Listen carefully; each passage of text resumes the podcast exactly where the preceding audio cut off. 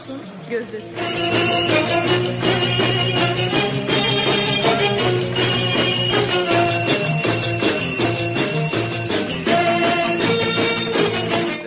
Kültür, sanat, şiir, felsefe,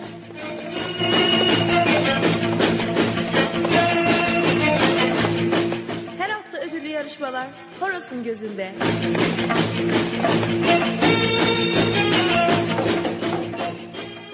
Horos'un gözü.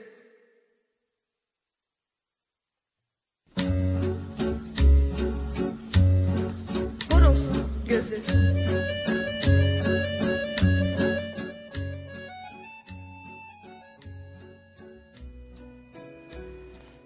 İyi akşamlar sevgili sanatseverler. Horus'un gözüne hoş geldiniz. Bugün 28 Mayıs 2013. Bu hafta da yine e, düzenli yayınımızla sizlerin karşınızdayım. E, bugün biliyorsunuz e, farkındasınız ki inanılmaz güzel bir hava var Hollanda'da. Muhteşem bir güneş açtı. E, birkaç haftadır çok kötü bir hava vardı. Hep kapalıydı, yağmurluydu falan ama bu güneşin açışı herhalde hepimizin ruhunu da ruhunda da güneşler açmasına sebep oldu diye düşünüyorum. Gerçekten muhteşemdi. Bütün sıcağı iliklerimize kadar hissettik. Güneşin güzelliğini aldık. Ee, hepinizin de aynı keyifle e, bu günü geçirdiğinizi umuyorum, diliyorum. Ee, dediğim gibi bugün 28 Mayıs 2013. Bugün efendim bakalım öncelikle bir bakalım programımızda neler var, ee, içeriğimiz nedir. Ee, öncelikle biliyorsunuz ee, her hafta olduğu gibi sanatın öyküsüne devam edeceğiz. Ee, geç, ge- geçen hafta gerçekliğin ele geçirilmesi 15. yüzyılın başlarını biraz konuşmuştuk. Bu hafta buna devam edeceğiz. Ee, biraz İtalya, biraz e, Hollanda'nın birkaç ünlü ressamını e, konuşacağız, sanatçısını konuşacağız. İlk dönem 15. yüzyıl başları da elbette ki. Ee, yine sabit bölümlerimizden radyo tiyatrosu devam edecek. Geçen hafta başladığımız Agatha Christie'nin 10 Küçük Zenci eserinin ikinci bölümünü bu hafta da yayınlayacağım size. Ee, canlı yayında bir röportajımız var sizin için. Ee, daha önce de konuştuğumuz Haldun, Haldun arkadaşım Haldun Açık Sözlü, Laz Marx Emice. Çok kısa bir röportaj yaptım onunla yine. Ee, fakat e, onu da kayda aldım. Kendisi yanımda değil. Sabahleyin Türkiye'ye uçuyor biliyorsunuz. Ee, o yüzden e, kayıttan onu dinleteceğim size. Ödüllü yarışmamız var elbette ki. Ee, ödüllü yarışmamızın da bugünkü ödülü e, Rotterdam'daki Lazmarks oyununa iki kişilik tiyatro bileti olacak. E, bu oyunda 7 Haziran günü e, saat 20.30'da akşam Zuidplein tiyatroda. Onun için iki kişilik bilet vereceğim. E, elbette ki şahane müziklerimiz olacak. E, güzel sohbetlerimiz olacak. Kültür sanat konuşacağız, şiirler konuşacağız e, dinleyeceğiz. E, bana yine bildiğiniz gibi bunu e, her hafta tekrar ediyorum ama e, canlı yayında ulaşabilirsiniz. Programımıza konuk olabilirsiniz. E, her konuda sadece programla ilgili değil ama her konuda bana görüş, düşünce, eleştiri ve önerilerinizi iletebilirsiniz. Bunun için çok memnun olurum. Canlı yayın numaramız 06 e, 53 63 23 43 bu telefon numarasından bana ulaşabilirsiniz. Canlı yayınımıza bağlanabilirsiniz. Ayrıca bana yine e, görüş, düşünce, eleştiri ve önerilerinizi e, horosun gözü et emirmahmudoğlu.org adresinden de iletebilirsiniz. Mail adresimizden iletebilirsiniz.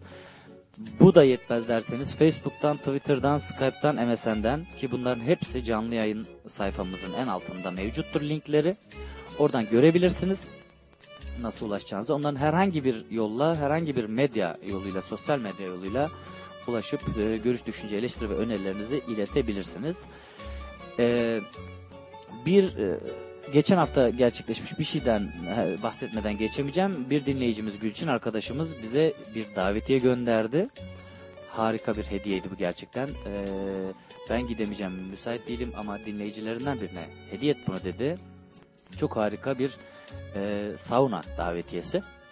Onu bu hafta vermeyeceğim. Onu e, haftaya halledeceğiz. Haftaya vereceğiz. Haberiniz olsun buradan da kendisine buradan çok çok teşekkür ediyoruz. E, Horos'un kütüphanesi projemiz devam ediyor.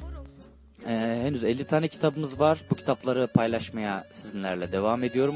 Bu kitaplardan istediklerinizi e, edinmek için, okumak için sizin olmasını istiyorsanız veya okuyup geri vermek istiyorsanız bana lütfen ulaşın. Listeyi biliyorsunuz emirmahmutoğlu.org e, web sitemizde e, kitap listesini görebilirsiniz.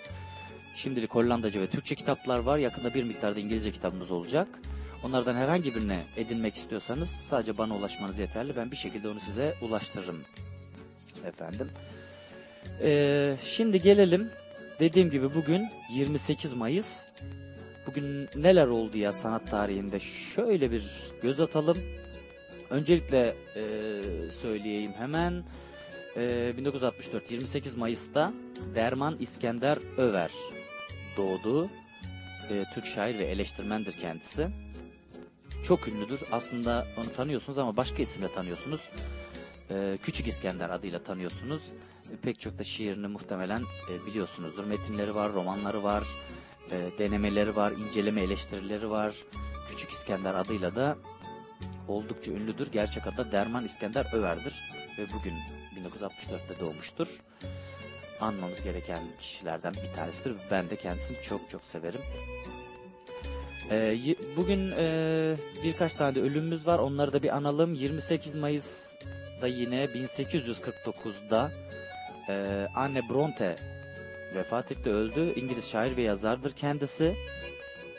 E, İngiliz edebiyatının klasiklerinden sayılan e, bir takım eserleri vardır. Agnes e, Grey mesela çok ünlüdür.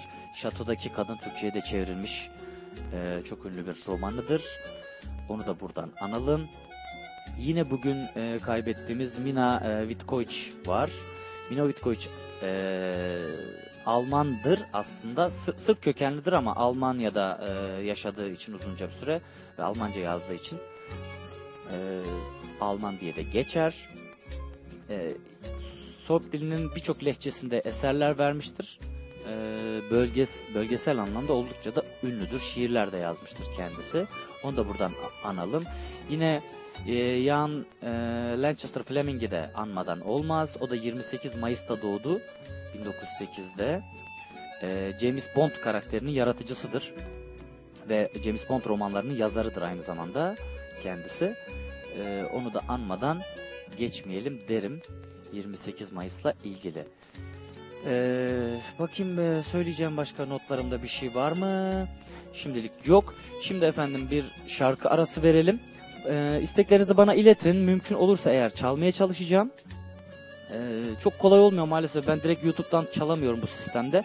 O yüzden çok kolay olmuyor. İsteklerinizi yine de iletin. Ben eğer e, o iletişimi kurabilirsek e, hızlıca yapabilirsem eğer çalmaya çalışacağım. Çalamadıklarımdan da şimdiden özür dilerim.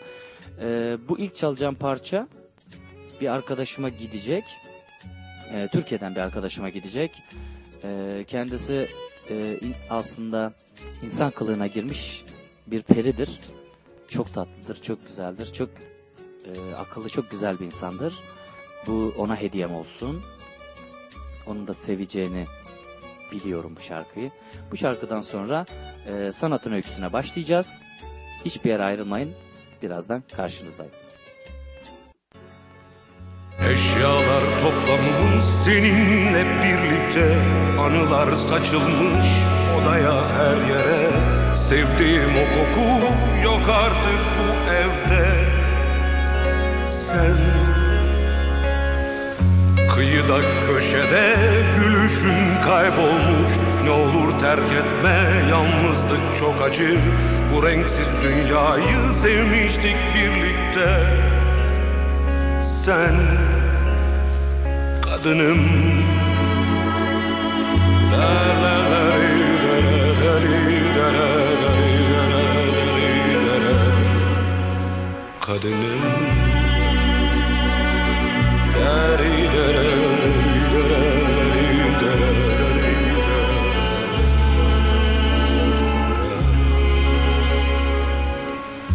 Hatırla o günü karşıki sokakta. Seni öptüğümü ilk defa hayatta. Kollarımda benim ilkbahar sabahı Sen Sönmüş bak ışıklar ev nasıl karanlık. O ılık aydınlık yuvamız soğumuş. Geceler bitmiyor ağlıyorum artık. Sen kadınım La la.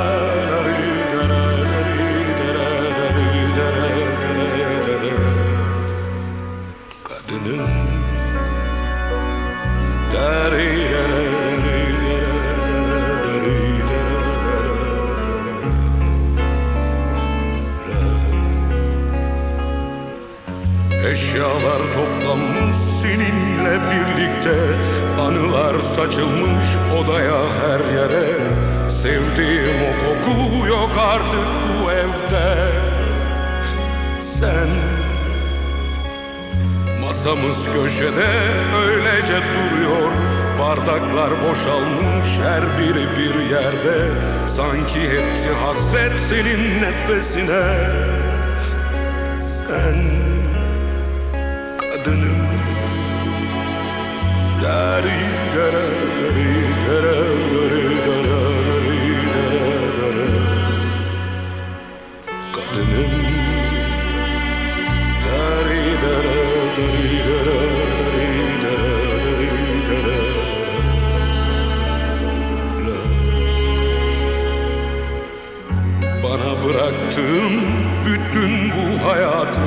Yaşanan aşkların değeri yok artık. Ben sensiz olamam artık anlıyorum. Sen.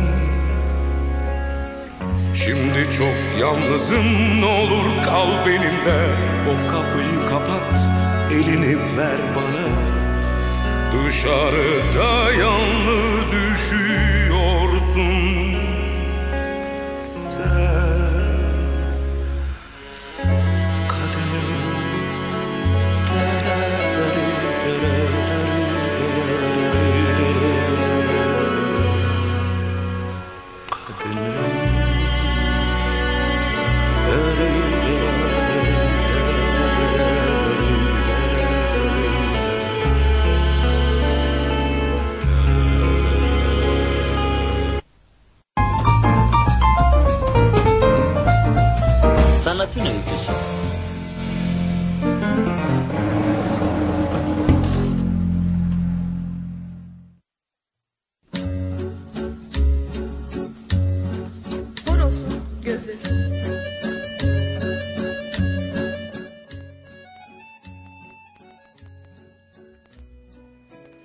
merhaba sevgili sanatseverler.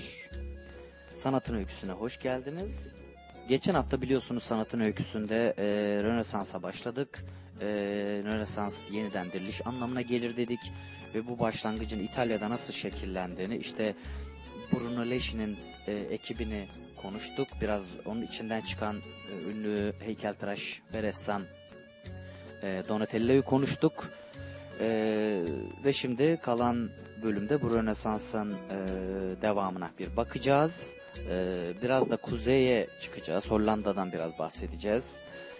Ee, onları biraz konuşacağız. Biliyorsunuz e, Donatello'nun kuşağını Floransa'da e, uluslararası üslubun zarafet ve inceliklerinden bıkıp usanıp işte daha güçlü, daha ağırbaşlı figürler hayal etmeleri gibi Alp'in ötesindeki bir heykelci de kendinden önce gelen sanatçıların e, zarif yapıtlarına göre diyelim daha gerçekçi, daha dolaysız bir sanat için aslında savaş veriyordu.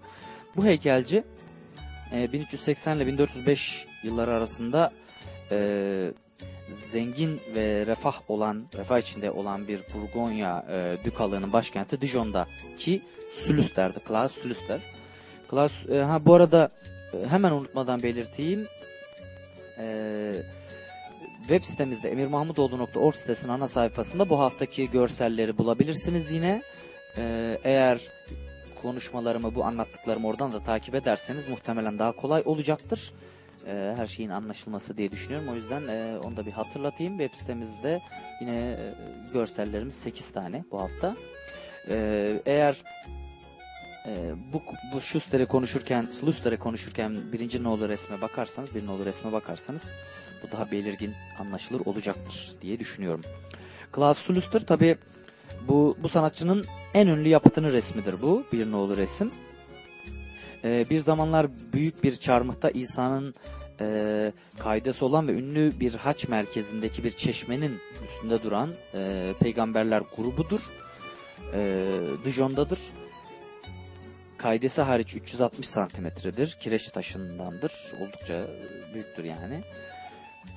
E, bu peygamberler sözleri İsa'nın e, çektiklerini bir kehaneti olarak yorumlanan kimselerdi. Ellerinde e, peygamber sözleri yazılı büyük bir kitap ya da tomar taşıyorlar ve gerçekleşmek üzere olan faciayı sanki düşünüyor gibiler resme baktığınızda.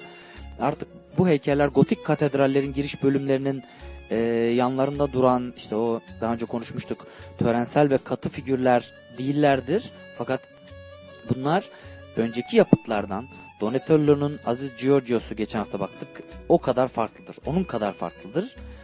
E, bu başı e, sarıklı olan Danyal'dır. E, başı çıplak yaşlı peygamber ise İşaya'dır. E, çok belirgin şekilde.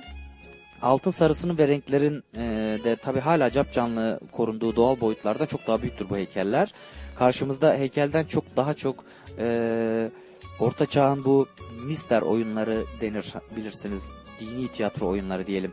O rol orada rolünü oynamak için tam çıkmaya hazır e, kişiler gibi bu heykeller o kadar canlıdır. E, öyle görünürler.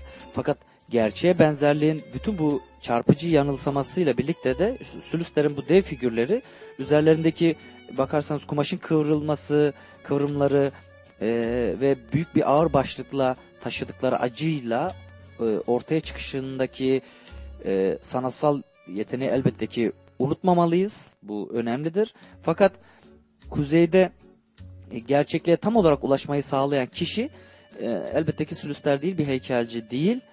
Tamamen yeni bir şeyi betimlemek için devrimci buluşları hemen fark edilen e, sanatçı olan Jan, Jan van e, Eyck'tir. Sanıyorum böyle okunuyor Hollandaca'da bu değil mi? Eyck diye okunuyor.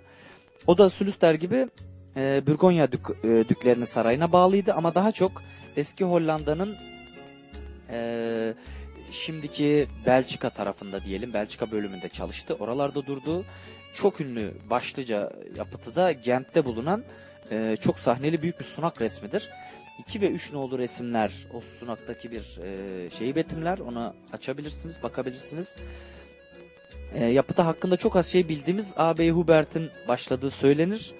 E, onu da 1432 yılında da Yan'ın tamamladığı söylenir. E, böyle bir söylenti var. Bu dönem tabi Donatello'nun da daha önce e, tanımladığımız büyük yapıtlarını gerçekleştirdikleri dönemdir. Yani aynı dönemdir. Aralarındaki tüm belirgin farklılıklara rağmen e, işte Masaccio'nun Floransa'daki freskosu ki bunu daha önce hatırlarsınız birkaç hafta önce görmüştük. E, ve ondan çok uzaklarda olan Flemenk'deki bir kilise için yapılmış bu sunak e, resminin birçok benzerliği var. Her iki eser de e, dinine bağlı bir kişi olan bağışçıyı ve karısını resmin karşılıklı iki kenarına yerleştirmiş olarak gösteriyor. E, eğer üç nolu resme e, şey iki nolu resme bakarsanız hemen e, sağdaki ve soldaki bağışçıları görürsünüz. E, bağışçıları dediğim gibi iki tarafa yerleştiriyor ve merkezi tema olarak da geniş bir e, sembolik imge kullanıyor. Bu imge e, duvar resminde kutsal üçlü, sunak resminde ise kutsal kuzuyla tapınma. E, üç nolu resimde bunu net olarak göreceksiniz. E, bu açılır bir e, eser aslında. Kanatlar açılabilir bir eser. Açılabilir, kapanabilir. İki nolu resim bu kapalı halidir bunun. E, üç nolu resim ise tamamen açılmış halini gösterir bize. O şekilde daha e, anlayıcı, anlaşılır olur diye düşünüyorum. E, burada tabi kuzu kutsal kuzuya tapınma e, dedik. E, kuzu doğal olarak İsa'yı temsil etmekte. Resmin kompozisyonu Yahya İncil'indeki bir bölümü temel olarak esas alıyor. Orada şöyle diyor ve ve görüyorum ki hiç kimsenin sayamayacağı kadar büyük bir kalabalık. Her ülkeden, her cinsten, her ırktan ve her dilden tahtın ve kuzunun önünde durdular diyor. E, bu metin kilise tarafından azizlerin ziyafeti ile ilişkilendiriliyor ve e, bu olaya resmin içinde başka göndermelere de rastlanıyor tabii ki. Tepede baba olarak yer alan Tanrı e, Masaccio'nunki gibi görkemli olmanın ötesinde burada ayrıca papa gibi bir de tahta oturmuş durumda e, göreceksiniz. Ee, sonra başka burada yorumlamamız gereken hemen diyelim. Ee, bir yanında işte e, Meryem var. ee, ortadaki resmin. Ee, diğer yanında İsa var. Ee, vaftiz, e, diğer yanında vaftizci Yahya aslında bu Tanrı'nın kuzusu olarak kabul edilir. Açılan sayfadaki gibi e, bu sunak resminin kanatları da yortu günlerinde açılıyor. Eskiden içindeki parlak renkler ortaya çıkıyordu ya da aynı resim kanatları kapandığında hafta içinde yani daha ciddi bir görünüm alıyordu. Farkında olacaksınız ki daha donuktur renkler kapandığında. E, burada e, tabi sanatçı vaftizci Yahya ve İncilci Yahya'ya tıpkı Giotto'nun e, konuşmuştuk daha önce Arena Şapeli'ndeki iyilik ve kötülük figürleri gibi birer heykel olarak heykel olarak betimliyor. Tepede de bize artık yabancı gelmeyecek Meryem'e müjde sahnesi var. Bunları da birkaç resimde ve heykelde daha önce konuşmuştuk hatırlarsınız. E, bu sahne Simone Martini tarafından e, bundan 100 yıl önce çok güzel şekilde tabii ki de resmedilmişti. Onu da konuşmuştuk. Van Eyck e, kendine özgü yeni sanat anlayışının en etkileyici örneğini bu sunak resmin iç kanatlarında e, Adem'le Havva'yı cennetten kovulduktan sonra resmederek vermiştir aslında. E, en sağda ve solda kanatlar açıldığında üç nolu resimde göreceksiniz. E, İncil'e göre Adem ve Havva biliyorsunuz bilgi ağacının meyvelerini yedikten sonra çıplak olduklarını farkına varıyorlar. Bu resimde de ellerinde tuttukları incir yapraklarına rağmen gerçekten de çırılçıplak görünüyorlar. Burada aslında şöyle bir durum var. Yunan, ve Roma sanatı geleneklerini e, hiçbir zaman tam olarak bırakmamış e, diyelim. Erken Rönesans döneminin e, İtalyan ustalarıyla pek bir paralellik yok burada. E, eskilerin biliyorsunuz e, şeyler çizimleri e, ya- yapıtları daha farklıydı. Daha idealize ediyorlardı Adem'le Havva'yı. Fakat Van Eyck e, buna bu idealize etme meselesine tamamen karşıydı. Ve büyük bir olasılıkla da Adem ve Havva için muhtemelen diyoruz bunu çıplak modeller kullanmış olmalı. E, ve o yüzden de gerçeğe inanılmaz sadık iki resimdir o, o çıplak resimler. E, gerçek insana çok benzemektedir. Ve e, ondan sonraki kuşaklar da bu kadar gerçekçilik gerçekçiliğin iyi olmadığını söyleyip aslında bu durumdan rahatsız olmuşlardır. Bununla ilgili pek çok eleştiri de yapılmıştır. Fakat bütün bunlara rağmen Van Eyck'in e, gözlerini güzel yapılmış her şeye kapadığını iddia etmek tabii ki de yanlış olur. E, aç- ya çok net şekilde söyleyebiliriz ki bir kuşak önce Wilton hatırlarsınız Wilton ikilisini konuşmuştuk. Wilton ikilisini yapan ustadan da hiç de aşağı, aşağı değil, olmayacak şekilde cennetin görkemini sergilemekten de büyük de zevk almış. Ama bir de fark var tabii ki. E, müzik çalan meleklerin giydiği değerli gümüş işlemeli işte ipek kumaşların ve mücevherlerin parıltısını incelerken e, şunu çok net söyleyebilirsiniz ki inanılmaz sabırlı sabırla yapılmış bir resimdir bu. Öyle bir ressamdır kendisi. E, sabır ve ustalık olağanüstüdür. Bu açıdan bakındığında da Van Eyck'ler o- dönemi diyelim uluslararası üslup gelenekleriyle bağlarını Masaccio gibi tamamen koparmamış. Daha çok yine konuşmuştuk Limburg kardeşlerin yöntemlerini biraz devam ettirmiş ve onları e, Orta Çağ sanatının buluşlarını geride bırakacak şekilde de mükemmelleştirmiş idi aslında o dönem. E, çağın öteki gotik ustaları da e, Limburg kardeşler de resimlerini gözlemlerinden elde ettikleri işte sevimli zarif ayrıntılarla doldurmaktan tabii ki de çok hoşlanıyorlardı. Çiçekleri, hayvanları, binaları, ne bileyim e, şatafatlı giysileri, işte mücevherleri e, çizmede ki ustalıklarını göstermekten ve böylece de gerçek bir görüntü sunmuş olmaktan çok hoşlanıyorlardı elbette ki. E, bu figürlerin ve doğanın gerçek görünümlerine e, çok önem verdikleri, vermedikleri için çizim ve perspektifinin pek inandırıcı olmadığını görmüştük e, önceki dönem ressamlarının. Van Eyck'in resimler için aynı şeyi söylemek mümkün değil. Onun e, doğa gözlemleri çok sabırlıdır. Ayrıntı bilgisi daha doğrudur. Nitekim e, arka plandaki ağaçlar, binalar vesaireler bu farkı açık şekilde aslında gösterir. E, yine belki hatırlarsınız Limburg kardeşlerin ağaçları daha şematikti. Böyle basma kalıptı. Manzaralar gerçek bir sahneden çok sanki bir dekormuş gibi, e, duvar halısı gibi duruyordu. E, tüm bunlar tabii ki de Van Eyck'in e, resimlerinde çok farklı. Van Eyck en ufak ayrıntıyı bile o denli bir sabır, sabırla resim, resimlemiştir ki işte atların yelelerindeki kılları veya binicilerin giysilerinde giysilerindeki kürk parçalarının tüylerini bile neredeyse sayabilecek durumdasınızdır. O kadar detaylıdır. Ee, biçim ve duruş bakımından e, Limburg e, minyatürlerindeki çizimlere benzer ama parlaklık, canlılık anlamında e, çok farklıdır. Van Eyck'in tabii ki de e, yapıtları çok daha canlı, parlak ve daha etkileyicidir. Bütün bu küçük ayrıntılara dikkat edip de büyük bir sanatçıyı e, doğayı gözlemleme kopyalamasında gösterdiği sabır için övmek, övmek tabii ki de geri kafalılık olarak görülebilir. Dar kafalıktır. Ne bu yani bu kadar detayı övüyorsun diyebilirsiniz ama e, doğanın sadık bir kopyası e, olmadığı için aynı şekilde bu Limburg kardeşleri hatırlarsınız e, başka bir e, resmi de eleştirmiştik ama bu eleştiriler asla küçümsemek anlamında değildi tabii ki de yani. Fakat e, yine de kuzey sanatının nasıl geliştiğini eğer anlamak istiyorsak e, Van Eyck'in bu sonsuz özeni ve sabrının da hakkını da vermek zorundayız onu da bilelim. Onun güneyli çağdaşları Brunelleschi çevresi diyelim. E, o, o dönem Floransalı ressamları bir tabloda doğayı hemen hemen bilimsel diyebileceğimiz bir doğrulukla e, çizmeye olanak sağlayan bir yöntem geliştirmişlerdi. E, perspektif çizgilerin e, çatısıyla işe başlıyor. Sonra anatomi ve perspektif kısaltım yasaları üzerindeki bilgileriyle de insan vücudunu kurguluyorlardı. Onun üzerinde onu oturtuyorlardı.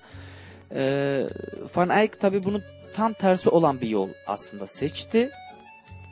Tüm resmi görünen dünyanın bir aynası oluncaya dek o, o kadar iyi oluncaya dek sabırla ve ayrıntı üzerine ayrıntı ekleyerek e, doğanın bir hayalini kurarak, yanılsamasını kurarak aslında oluşturdu.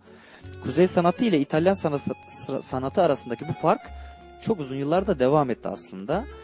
Gerçeğe yakın bir tahmin eğer yapmak istiyorsak da eğer bir yapıt nesnelerin, çiçeklerin, mücevherlerin, ne bileyim kumaşların betimlenmesine mükemmelliğe ulaşmışsa bunun kuzeyli olasılıkla da Flaman Hollandalı bir sanatçı tarafından yapıldığını ama buna karşılık eğer bir yapıt güçlü dış hatlar, kusur, kusursuz bir perspektif ve mükemmel bir insan vücudu betimlemesine sahipse bu da muhtemelen bir İtalyan sanatçısı tarafından yapılmış denebilir. Böyle e, çok kısaca ipucu şeklinde bunu böyle değerlendirebiliriz. E, tüm ayrıntılarda e, gerçeğe bir ayna tutma amacını gerçekleştirebilmesi için Van Eyck'in resim tekniğini de geliştirmesi gerekiyordu. Ee, çok kısa söylemek gerekirse aslında yağlı boyayı bulan Van Eyck'tir. Ve bu bu bir bu iddianın doğruluğu tabii ki çok tartışılmıştır sanat dünyasında, sanat tarihinde. Doğruluğu ve anlamı diyelim. Ancak e, o tartışmalar ve ayrıntılar çok da önemli değil aslına bakarsanız. Onun buluşu, e, perspektifin bulunuşu gibi e, tamamen yeni bir şey değildi elbette. Fakat onun başardığı şey boyaların yüzeye e, sürülmeden önce hazırlanışı için yeni bir durumdu. E, çok o anlamda önemliydi. O zamanın ressamları boyaları tüplerde ya da kutularda tabii ki de e, önceden hazırlanmış renkler olarak satın alamıyorlardı biliyorsunuz. E, öyle dükkanlar yoktu tabii ki bir 15. yüzyılda. E, kendi boya pigmentlerini kendileri hazırlamak zorundaydılar ve bunun için de renkli bitkileri ve madenleri tabii ki de kullanıyorlardı. Bunlar iki taş arasında kendileri eziyorlardı e, ya da ezme işini diyelim ki bir çırak, çıraklarına yaptırıyorlardı. Ve bu şekilde de elde edilen tozu birbirine bağlamak için kullanmadan önce bir tür hamur elde edinceye dek sulandırıyorlardı. Bunu yapmanın birçok yolu vardı elbette ki ama bütün orta çağ boyunca bu bu sıvının ana maddesini ana maddesine amaca çok uygun olduğu e, halde çabucak kurumak gibi bir sakıncası olan yumurtadan yapmışlardı. Bu şekilde hazırlanan renklerle boyama yöntemine tempera aslında denir.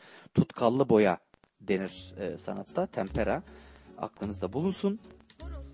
Renkleri derecelendirerek birbirleri arasında kolay bir geçiş sağlamaya izin vermediği için bu sistem e, Jan van Eyck'in e, bu durumdan pek hoşnut olmadığını net şekilde söyleyebiliriz.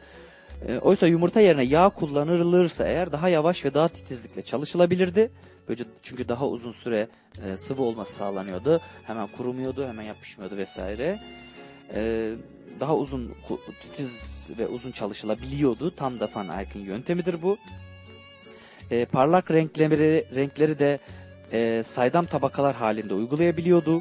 İnce uçlu bir fırçayla pırıltılı pırıltıları falan vurgulayabiliyordu.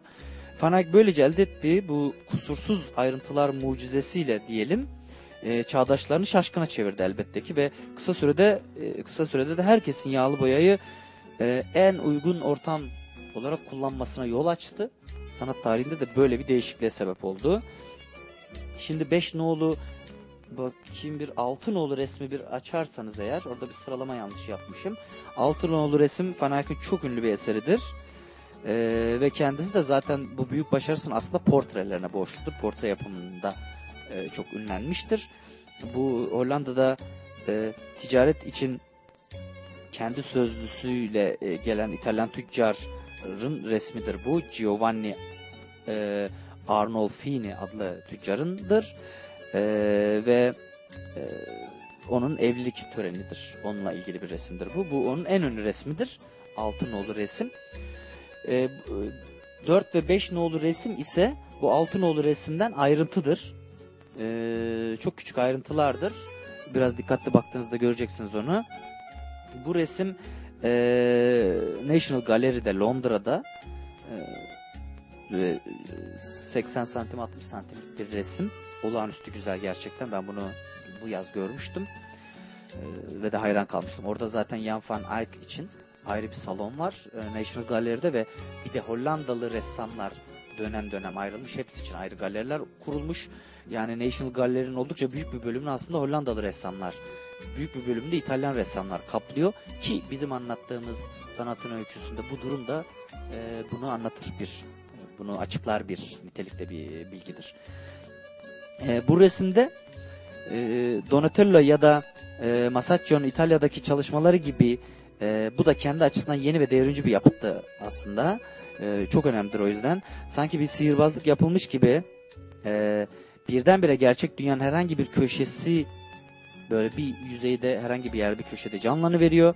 Her şey açık bir şekilde gözler önünde halı, terlikler, işte duvardaki tesbih, ne bileyim e, yatağın kenarına asılmış süpürge, e, pencere pervazındaki meyveler, e, e, sanki adamın kendi evini gerçekten ziyaret ediyormuş hissine kapılabiliriz. Bu resim olasılıkla onların yaşamlarının önemli bir anını e, işte evlilik dediğim gibi evlilik sözleşmesi verdiği anı gösteriyor. Bu, bu net bir bilgi değil ama tam olarak öyle oldu tahmin ediliyor. E, genç kadın sağ elini Arnolfini'nin sol eline henüz koymuş. İşte Arnolfini de birleşmelerini perçinlemek için sağ elini onun e, eline koymak üzere. Bir noterden buna benzer önemli bir törende hazır bulunup e, tanıklık sanki yapılması istenmiş gibi. Belki de bir sanatçıdan bu önemli anı bir şahit olarak kaydetmesi istenmiş. Belli ki baktıkları bakışlardan anlıyoruz bunu da. E, bir de sanatçının tablonun göze çarpan e, yerine de e, biraz dikkatli bakarsanız Latince şöyle adını yazıyor. Diyor ki e, Johannes de Eyck faut ich. Bu da e, Jan van Eyck da buradaydı diyor. Belki niye e, burada olduğunu da hem bu notu niye düştüğünü de açıklayabilir. O yüzden biraz evlenme törenine benziyor gibi diyoruz. E, odanın arkasındaki aynada tüm sahneyi arkadan yansımış şekliyle görüyorsunuz. Aynanın bir detayı da 5 nolu resim. E, küçücük aynadır ama e, aynadaki yansımayı bile olağanüstü güzellikle çizmiştir. E, Jan van Eyck.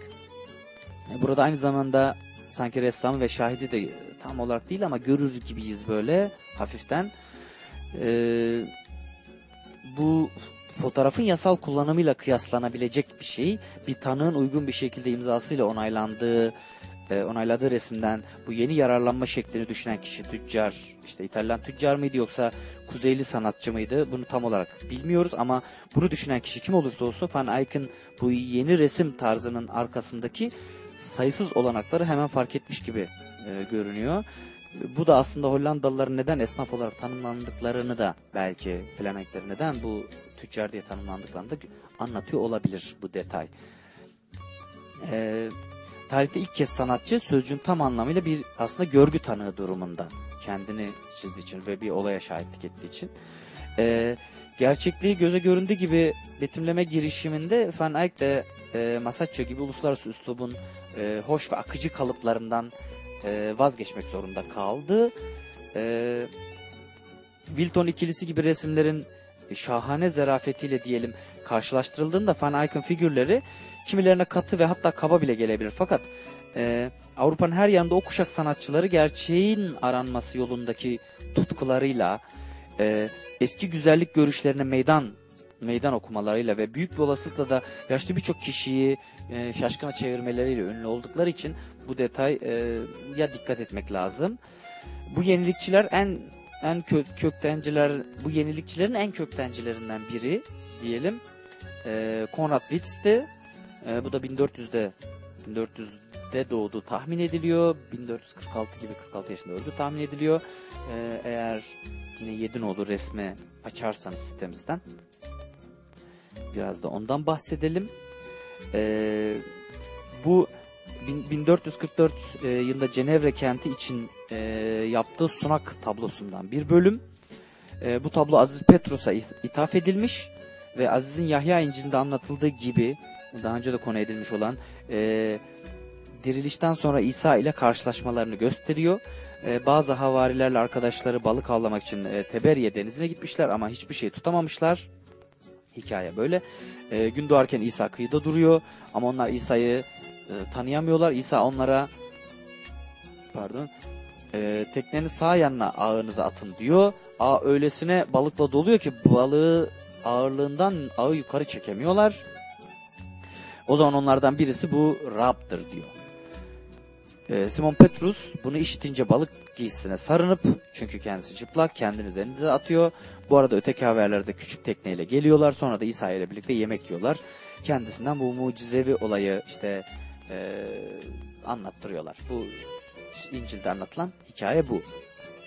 Bu muhtemelen bu mucizeyi çiz dedikleri orta çağlı ressam da bu ressam da Teberiye denizini belirtmek için e, basma kalıp dalgalı çizgilerle yetinirdi muhtemelen.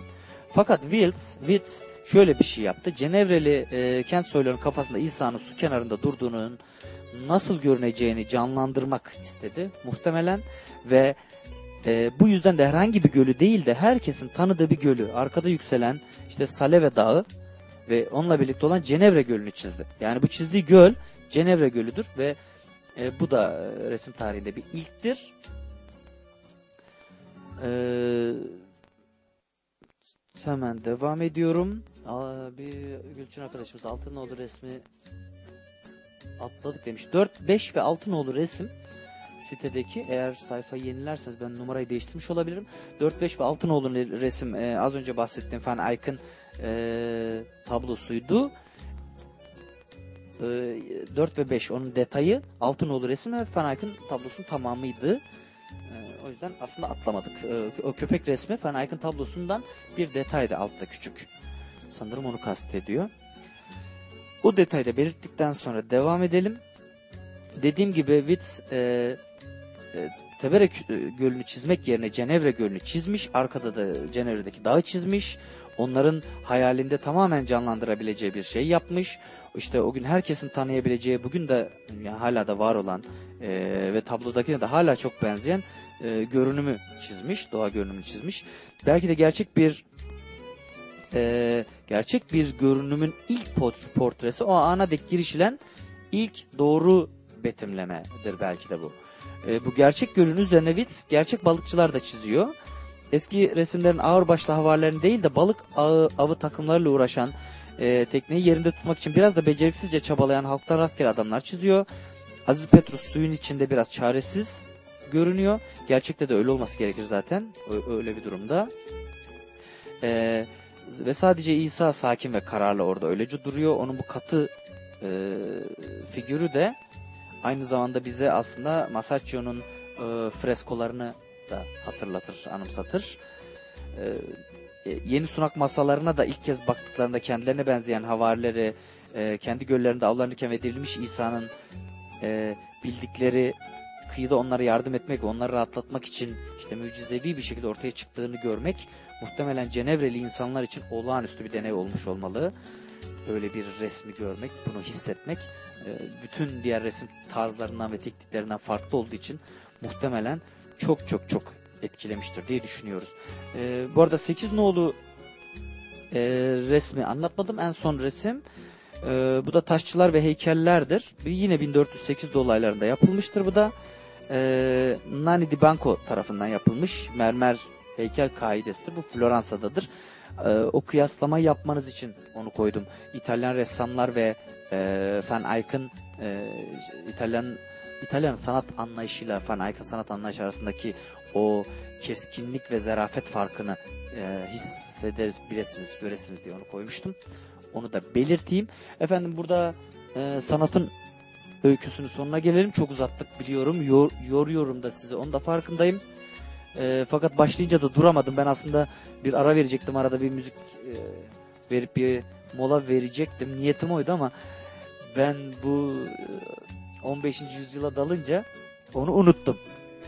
E, fakat hakikaten ben bu çağdan itibaren bu sanattaki büyük yeniliklere olağanüstü hayranım. O yüzden de beni çok etkiliyor. Ee, Kusura bakmayın biraz duramadım. Devam ettim. O arayı şimdi verelim. İki tane müzik dinleyelim. Biraz dinlenelim. Ee, arkasından peşi sıra yine e, karşınızda olacağım efendim. Ee, bir tane eskiden bir tane yeniden çalalım. Önce Hayat Bayram olsa diyelim. Arkasından e, 10. Otel diyelim. Birazdan yine karşınızda olacağım efendim.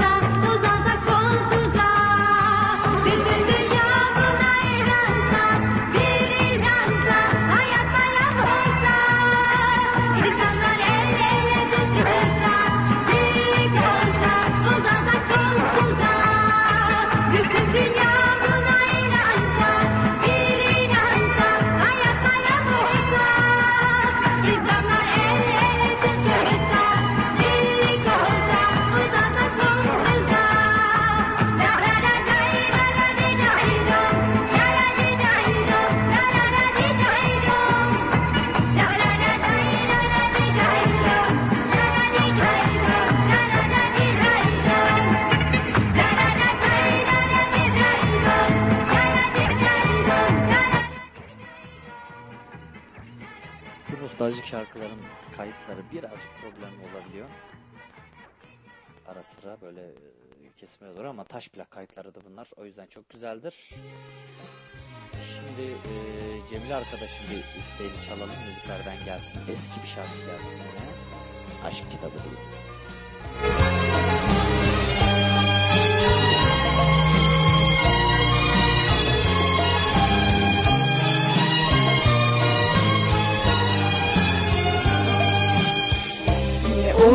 Söyleyin sevenler bana. Ayrılmak kanun mu aşk kitabında. El ele tutuşup gülmeden daha.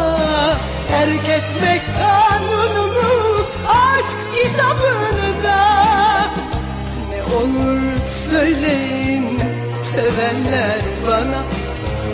Ayrılmak kanun mu aşk kitabında El ele tutuşup gülmeden daha Terk etmek kanun mu aşk kitabında.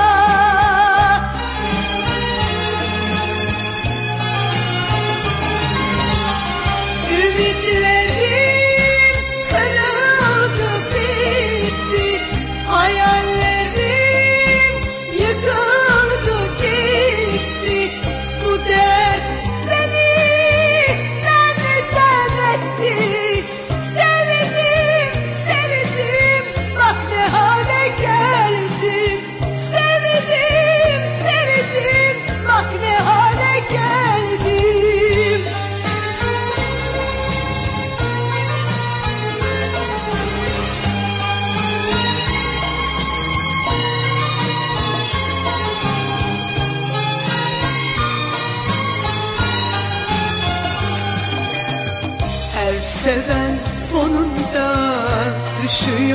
derde Bu aşk kitabının yazanı nerede? Bir aşık inandı çok sevdi diye. Terk etmek kanunu aşk kitabını da. Her seven sonunda düşüyor derde Bu aşk kitabının yazanı nerede aşık inandı çok sevdi diye. Terk etmek kanun mu aşk kitabını da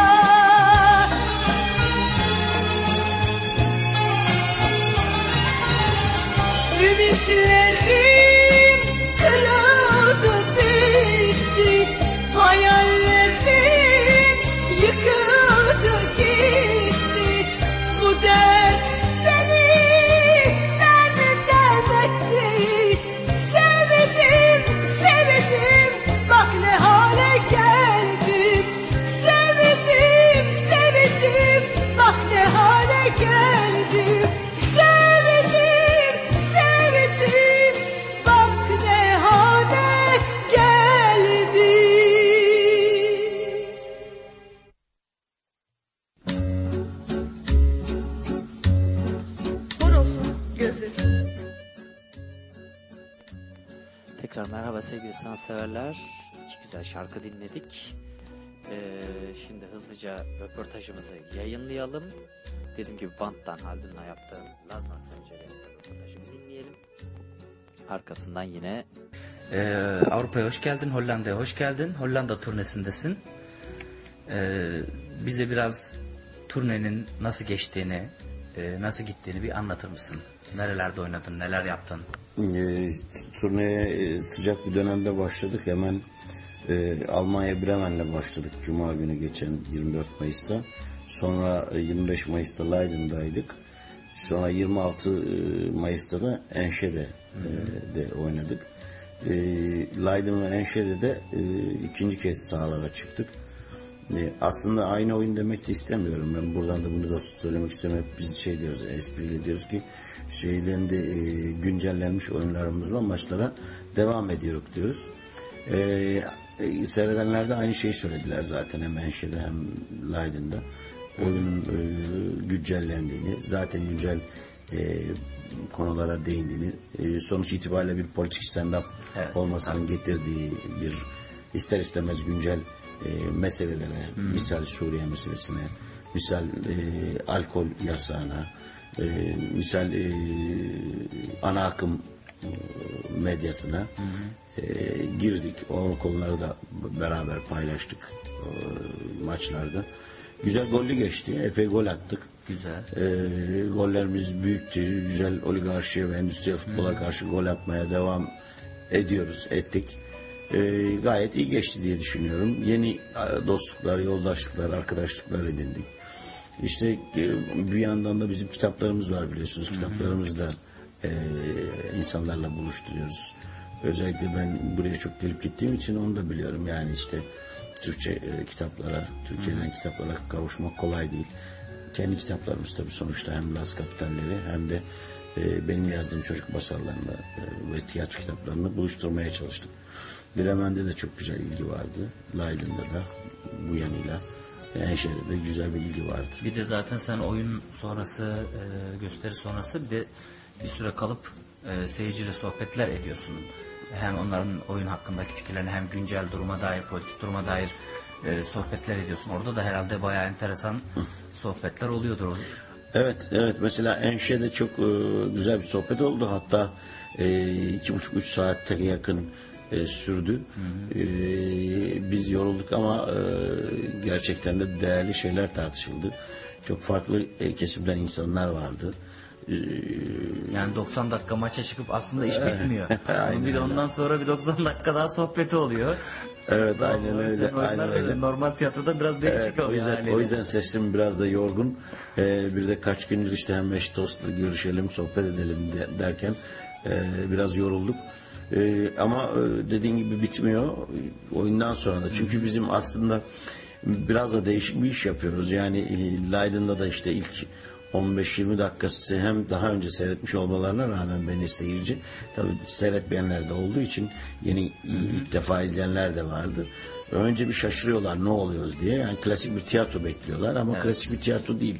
Yani birisinin oynadığı, işte espriler yaptığı, fıkralar anlattığı, e, diğerlerinin de gülüp eğlendiği, işte ara sıra alkışladığı bir oyun değil. Daha çok seyirciyle sohbetin de olduğu, İnteraktif interaktife yakın özelliği olan, evet, evet. özelliği de olan bir çalışma.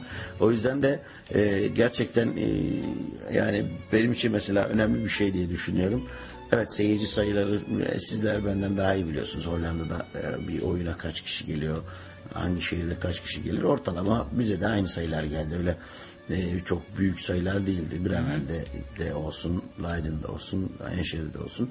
Ama benim için önemli olan şu, evet bir 70-80 kişi de gelse o oyunu seyretmeye, onların hiçbiri gitmediler.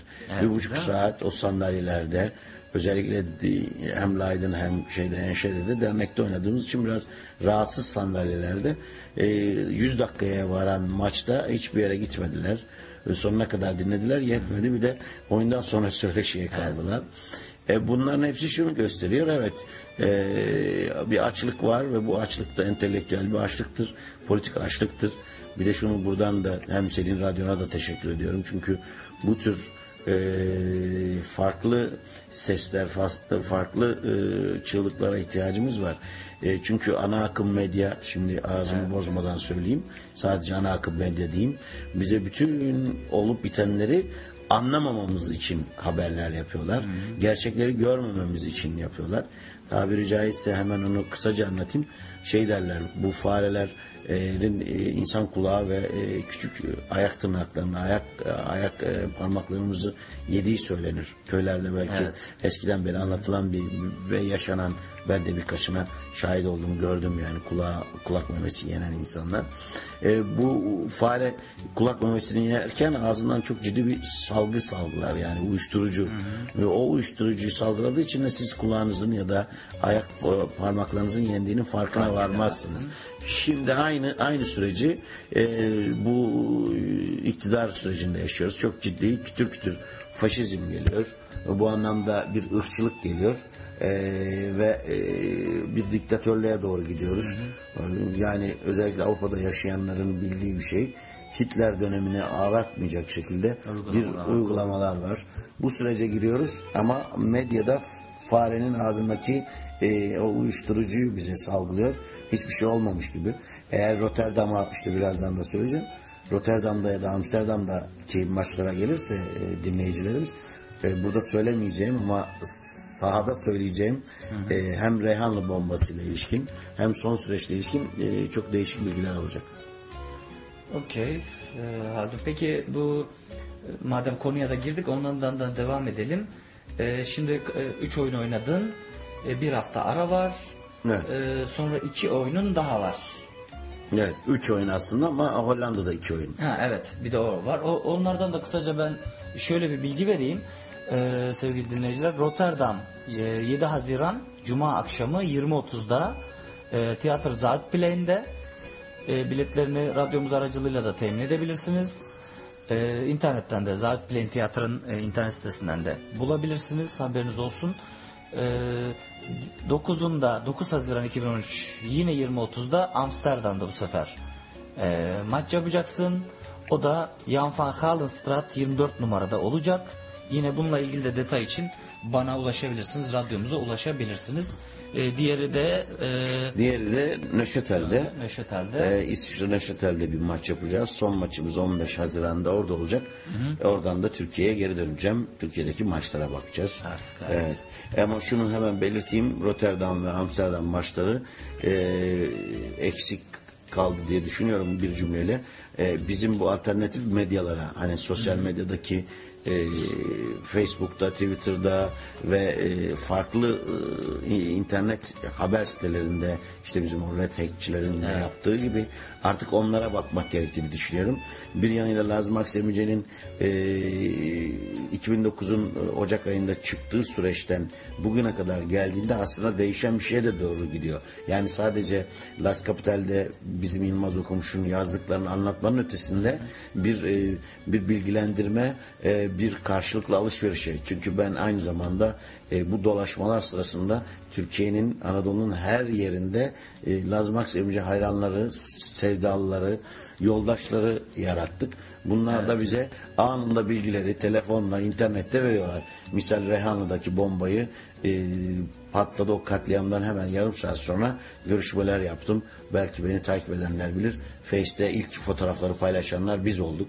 Çünkü oradaki arkadaşlarımız hemen bize katliamın e, gerçek yüzünü göstermek adına e, bizimle paylaştı. Bu yüzden aynı zamanda da bir e, Laz Maksimici aynı zamanda bu maçlarla bir e, farklı bilgilendirme açılma durumu, bilgilendirme evet, ve medya e, ilişkilendirme yani haberleşme ağı yaratıyor.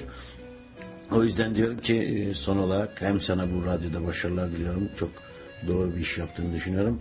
Hem de e, Laz Maksimci'yi takip etmeye devam edin. Gerçekleri öğrenmek istiyorsanız. E, hem Türkiye'de hem dünyada olan gerçekleri e, öğrenmek istiyorsanız gülerken biraz düşünmek istiyorsanız maçlara bekliyoruz diyorum. E, Laz Maksimci olarak da son olarak var mı bir sorun bilmiyorum ama bir, e, aksanlı bir şey söyleyeceğim diyorum. Ha. Ee, Yok sana teşekkür ediyoruz Haldun. Ee, programımıza tekrar konuk olduğun için. Ön- önümüzdeki maçlarda da başarılar diliyoruz. Seninle birlikteyiz. Ee, yani Laz Marx e, şeyiyle sözleriyle bize bir şeyler söylersen de memnun oluruz tabii. Evet. Ya işte ben ne diyorum? Hep maçların sonunda da söylediğim gibi Yusuf'um diyorum ki aman hamsi yemeği ihmal etmeyin hamsiyi bol bol yiyin ki ha böyle fosforunuz artsın. Ha bu ideolojik bombardımanlara karşı karşı kendinizi koruyun. Sınıfta ezilenlerden yana işçilerden emekçilerden devrimcilerden yana e, yaşamamızı sürdürelim kavgamızı mücadelemizi edelim. Ve unutmayalım ki bu maçı alacağız. Başka yolu yok.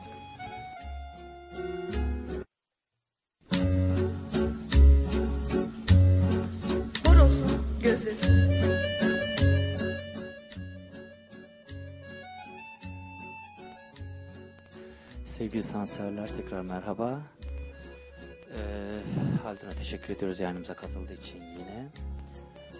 Şimdi önce şu yarışmamızı bir yapalım. Daha önce de söylediğim gibi Laz Marx'ın e, Rotterdam oyununa iki kişilik davetiye vereceğim. Ee, yayınlayacağım müziği tanıyanların içinden bir, bir kişiye vereceğim.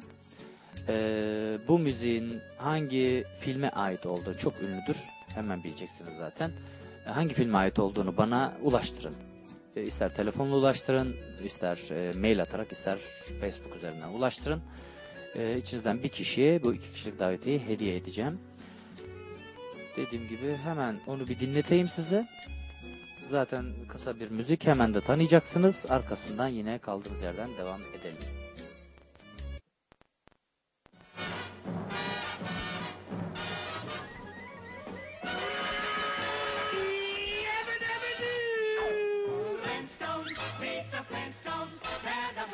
Modern family. From the town of Bedrock, they're a page right out of history. Let's ride with the family down the street through the courtesy of Fred and Pete. When you're with the Flintstones, have a yabba dabba do time, a dabba do time. We'll have a gay old time.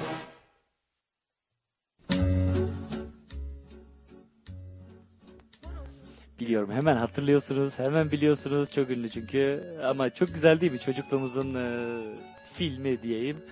E, olağanüstüydü. Keyifle izlerdik çocukken. Bunu bir an- anmak anlamında da olsa bunu e, sormak istedim. E, filmin ya da şeyin ismini soruyorum diyeyim.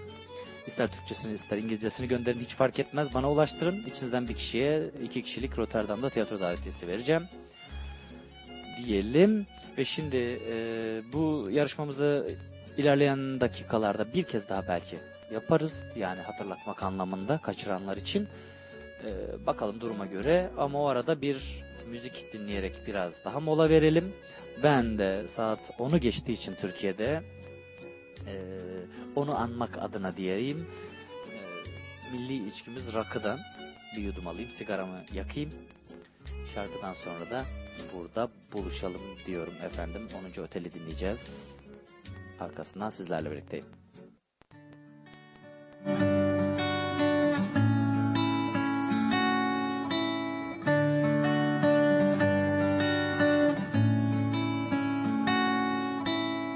Kim bilir neler geçiyor aklımdan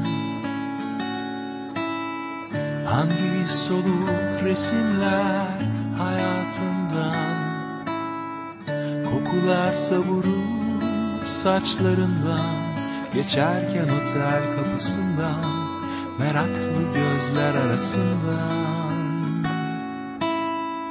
Bugün benden hiçbir şey isteme ne neşeni ne tasanı söyleme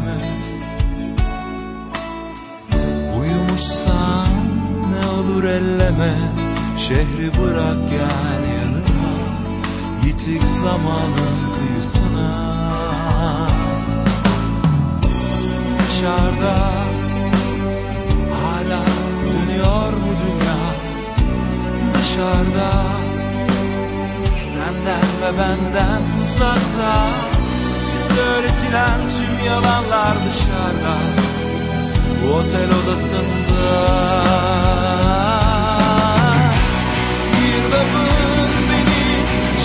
çekerken bitir günlerini ter ter çözerken Dünya dönerse dönsün artık. Biz onu dışarıda bıraktık. Ateş dışarıda, kitap dışarıda Günah dışarıda, sevap dışarıda. Ateş dışarıda, kitap dışarıda Günah dışarıda, sevap dışarıda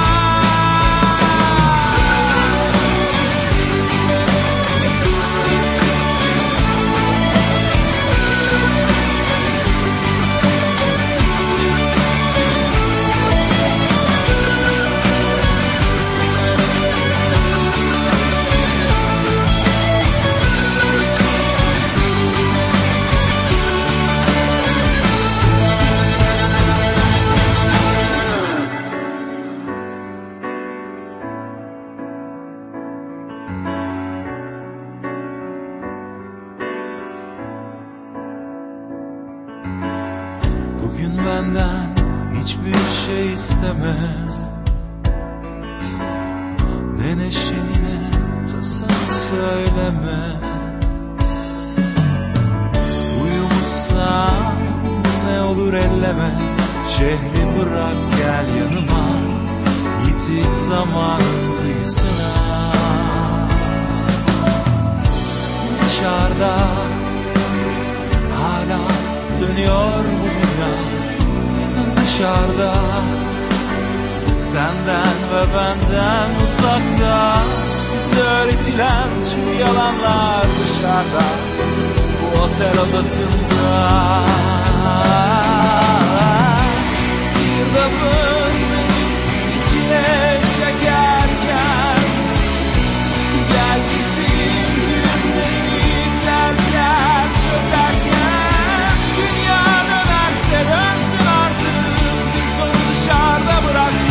Ateş dışarıda, kitap dışarıda Günah dışarıda, sevap dışarıda Ateş dışarıda, kitap dışarıda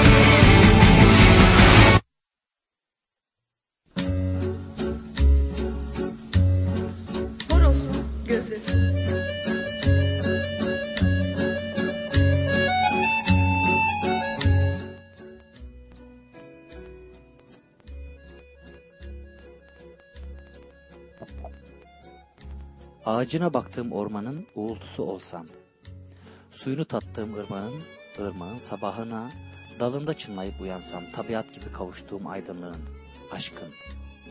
Çorağını bildiğim çöl kadar, bereketi kumun. Hepsinin adını sayıklarım istersen. Kımıldamadan dururken dağ, içi darma dağınıktır. Sayma saydıklarımı. Şiire çalışır benzetmeler. Aşk zaten toprağa karışmaktır. Murat Anmungan'dan bir şiirdi sevgili dostlar. Çok sevdiğim bir şairimizden çok sevdiğim bir şiiriydi. Sizler olsun bu da. Şimdi bir şarkı daha dinleyelim. İyice gevşeyelim. Ee, peşi sıra yayınımıza kaldığımız yerden devam edeceğiz. Yine eskilerden bir şarkı dinleyeceğiz. Pardon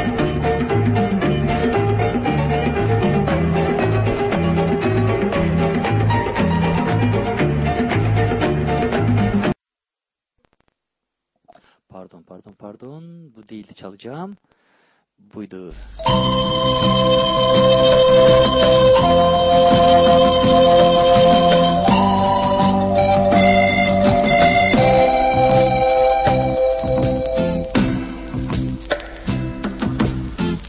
Sanma herkes senden daha mutludur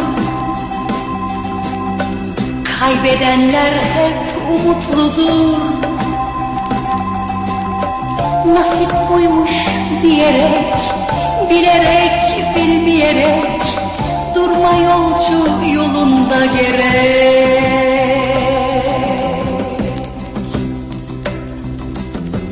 Bak sağına soluna sevenler var. Sevgiyi bir kuruşa verenler var. Hayat buymuş diyerek Çek yükünü gülerek Durma yolcu yolunda gerek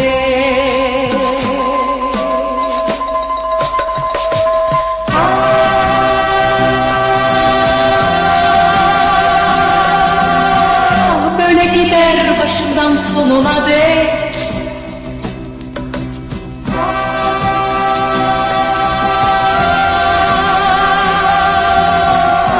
bilinmez nerede nasıl bitecek. Aa.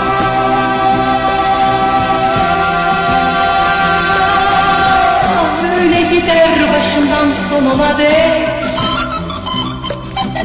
Aa.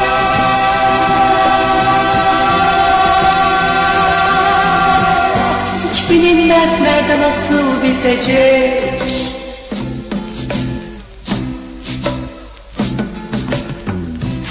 Herkes senden daha mutludur. Kaybedenler hep umutludur. Nasip buymuş diyerek Bilerek, dinleyerek Durma yolcu yolunda gerek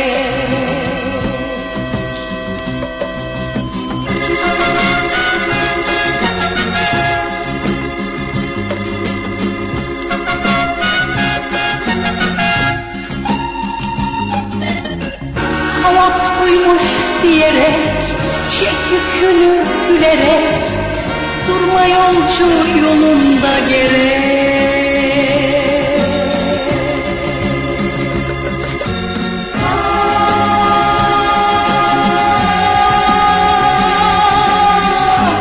gider başından sonuna dek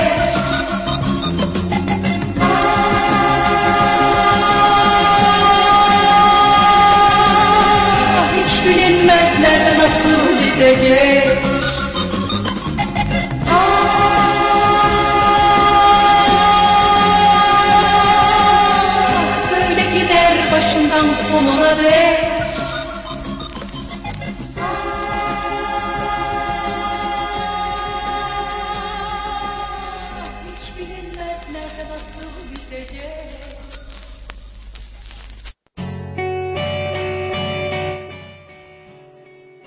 Kreşten yalım, yarım kalan şarap diyelim. Bunu da dinleyelim. Ben de rakıma devam edeyim. Kendimizden geçelim. Birazdan görüşmek üzere.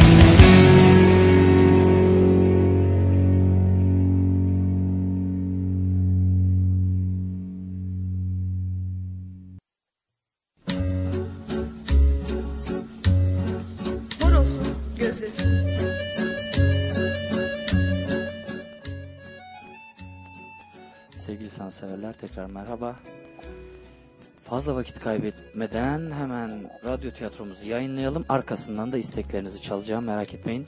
Hepsini arşivliyorum hızlı bir şekilde. Ama önce radyo tiyatrosunda Agatha Christie'den On Küçük Zenci'yi dinleyelim ikinci bölümünü. Sonra karşınızdayım tekrar birlikteyiz. Radyo tiyatrosu.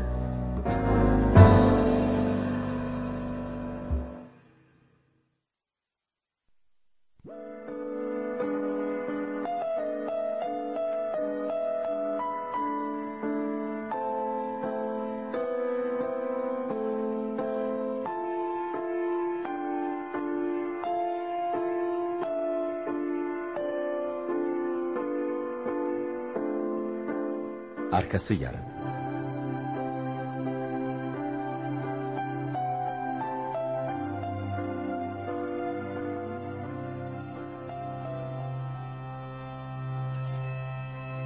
On Küçük Zenci İkinci Bölüm.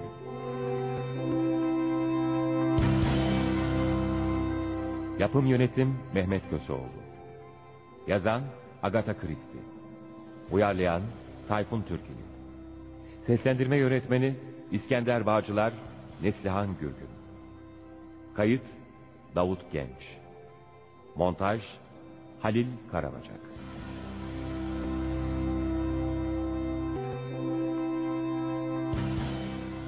Birbirlerini daha önce hiç görmemiş üç kadın yedi erkek. Owen adında bir adam tarafından Zenci Adası'na misafir olarak çağrılırlar. Ancak adaya gittiklerinde Uşak ve hizmetçinin dışında kimseyi bulamazlar. Uşak ve karısı Owen'ın bir gün sonra geleceğini söyler. Ama bu ikisi de Owen'ı daha önce hiç görmemişlerdir. Herkes tanımadıkları bir adamın bu ıssız adaya kendilerini niçin çağırdığını ölesiye merak eder.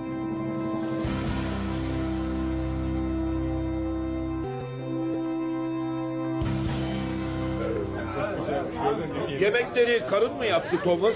Ee, evet efendim. Çok iyi aşçıdır kendisi. Belli oluyor. Hepsi de çok lezzetliydi. Afiyet olsun efendim. Ee, şimdi kahvelerinizi getireceğiz efendim. Baylar ve bayanlar susun lütfen. Bu da kim? Birisi susmamızı söyledi duydunuz değil mi? Evet doktor ama kim konuştu acaba? Beni dinleyin lütfen. Siz bu evde bir araya gelen on kişi şu suçlarla itham edilmektesiniz.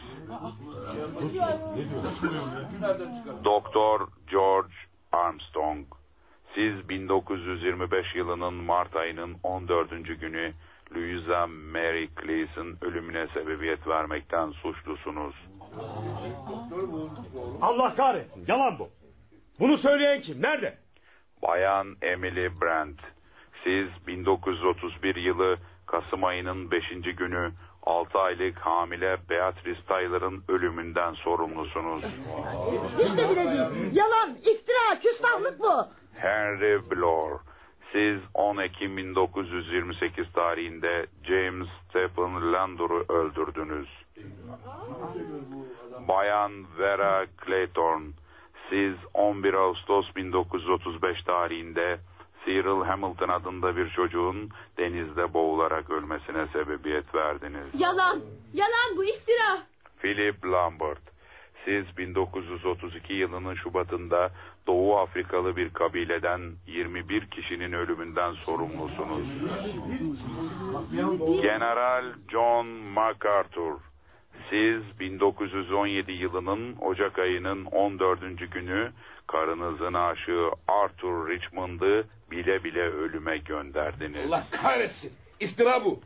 Kahrolası herif herkesten ortaya çık. Kendini gizleyerek yalanlar söyleme.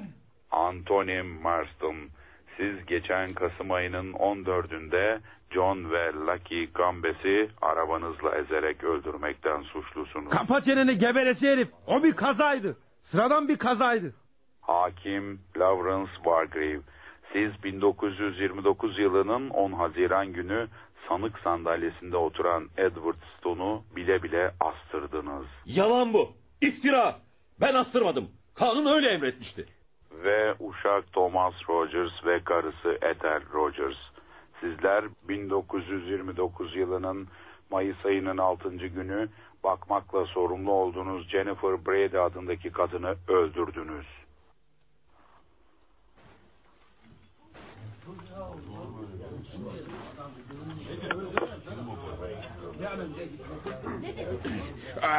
Affedersiniz birden şaşırdım efendim. Ee, Biz biz kimseyi öldürmedik. İnanın böyle bir şey yapmadık. Ee, Her kimse e, yalan söylüyor efendim. Tutuklu bulunan sanıkların savunmak için bir söyleyecekleri var mı?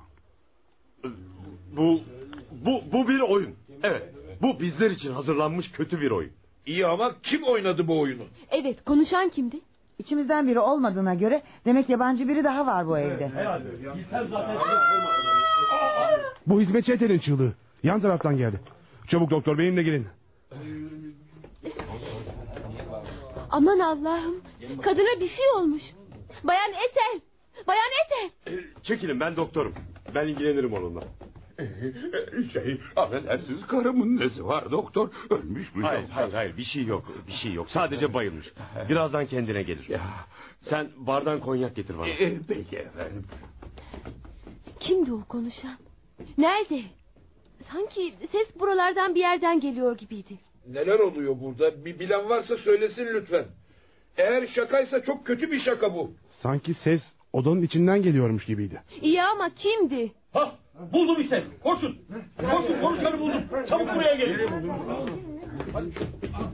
Kimmiş? Bakın. Bakın bir gramofon. Gramofon mu? Evet evet. Gramofon mu?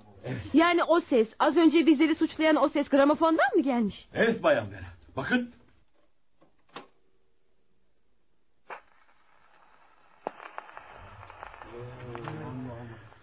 Sizler şu suçlarla itham edilmektesiniz. Susturun şunu yeter artık dayanamayacağım. Feci bir şey bu. Eh, sakin olun kızım sakin olun.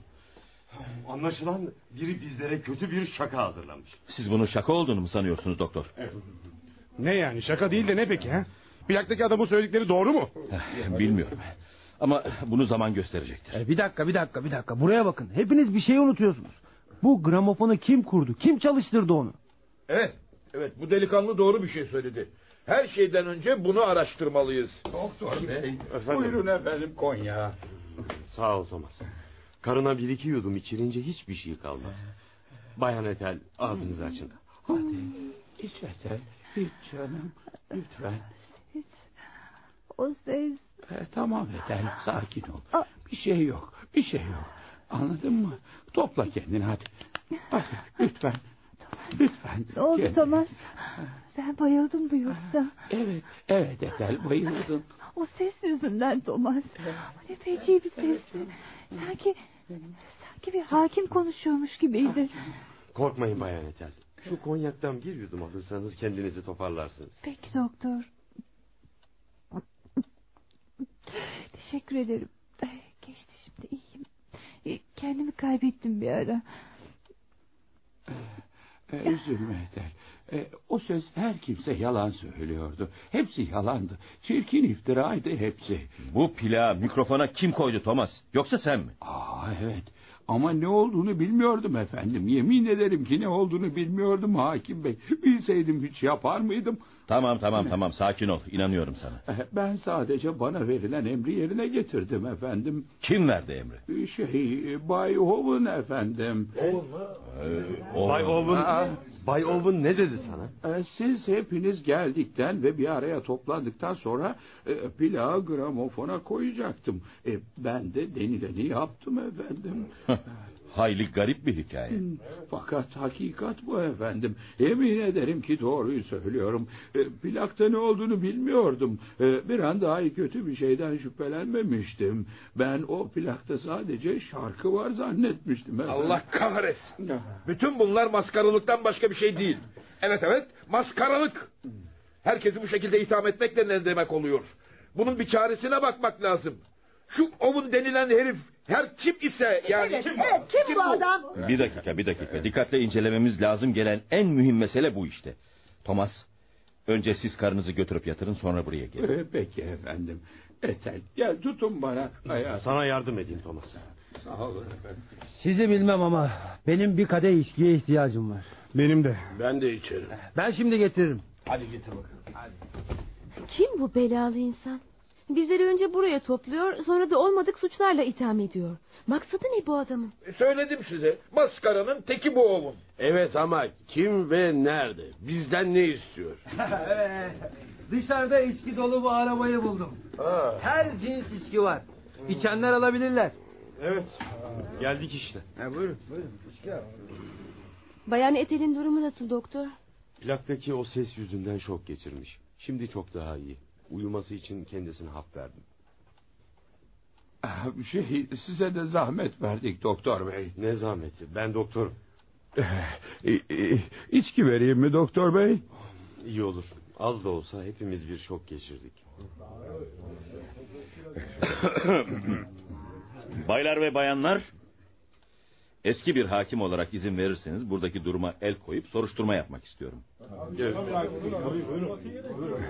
Thomas, söyle bakalım. Kim bu Bay Owen? Aa, Şey efendim e, buranın sahibi. Onu biliyoruz. Öğrenmek istediğimiz bu adam hakkında senin bildiklerin. E, ne yazık ki Bay Owen hakkında size hiçbir şey söyleyemem efendim. Çünkü kendisini ben hiç görmedim. Görmedin mi? Ya bu, bu nasıl bir şey bu ya? Ne demek istiyorsun? Efendim biz karımla birlikte buraya bir haftalığına angaja edildik generalim. Ee, karım ve ben bu işe işçi bulma kurumu kanalı ile mektupla alındık efendim. Peki Bay Owen'dan aldığın mektup yanında mı? E, bize angaja eden mektup mu? E, Şey hayır efendim yanımda değil. Peki hikayene devam et. Dediğine göre mektupla işe alınmışsın. Evet efendim. Muayyen bir tarihte burada olacaktık. O tarihte de geldik. Ee, burada her şeyi yerli yerinde bulduk. Kiler yiyeceklerle doldurulmuştu. Her taraf tertemizdi. Sadece toz alınması gerekiyordu. O kadar. Sonra? Ee, sonra bir takım emirler aldık. Tabii gene mektupla. Gelecek misafirler için odaların hazırlanması emredilmişti. Dün öğleden sonra Bay Owen'dan bir mektup daha aldık.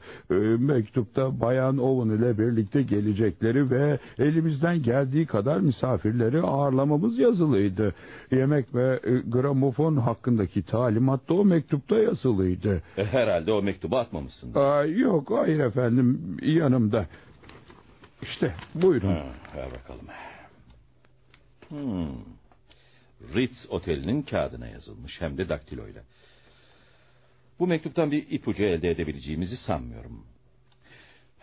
Baylar ve bayanlar, bence artık hepimizin bildiklerini açığa vurmamızın zamanı gelmiş bulunuyor. Az evvel nahoş bir hadise vuku buldu.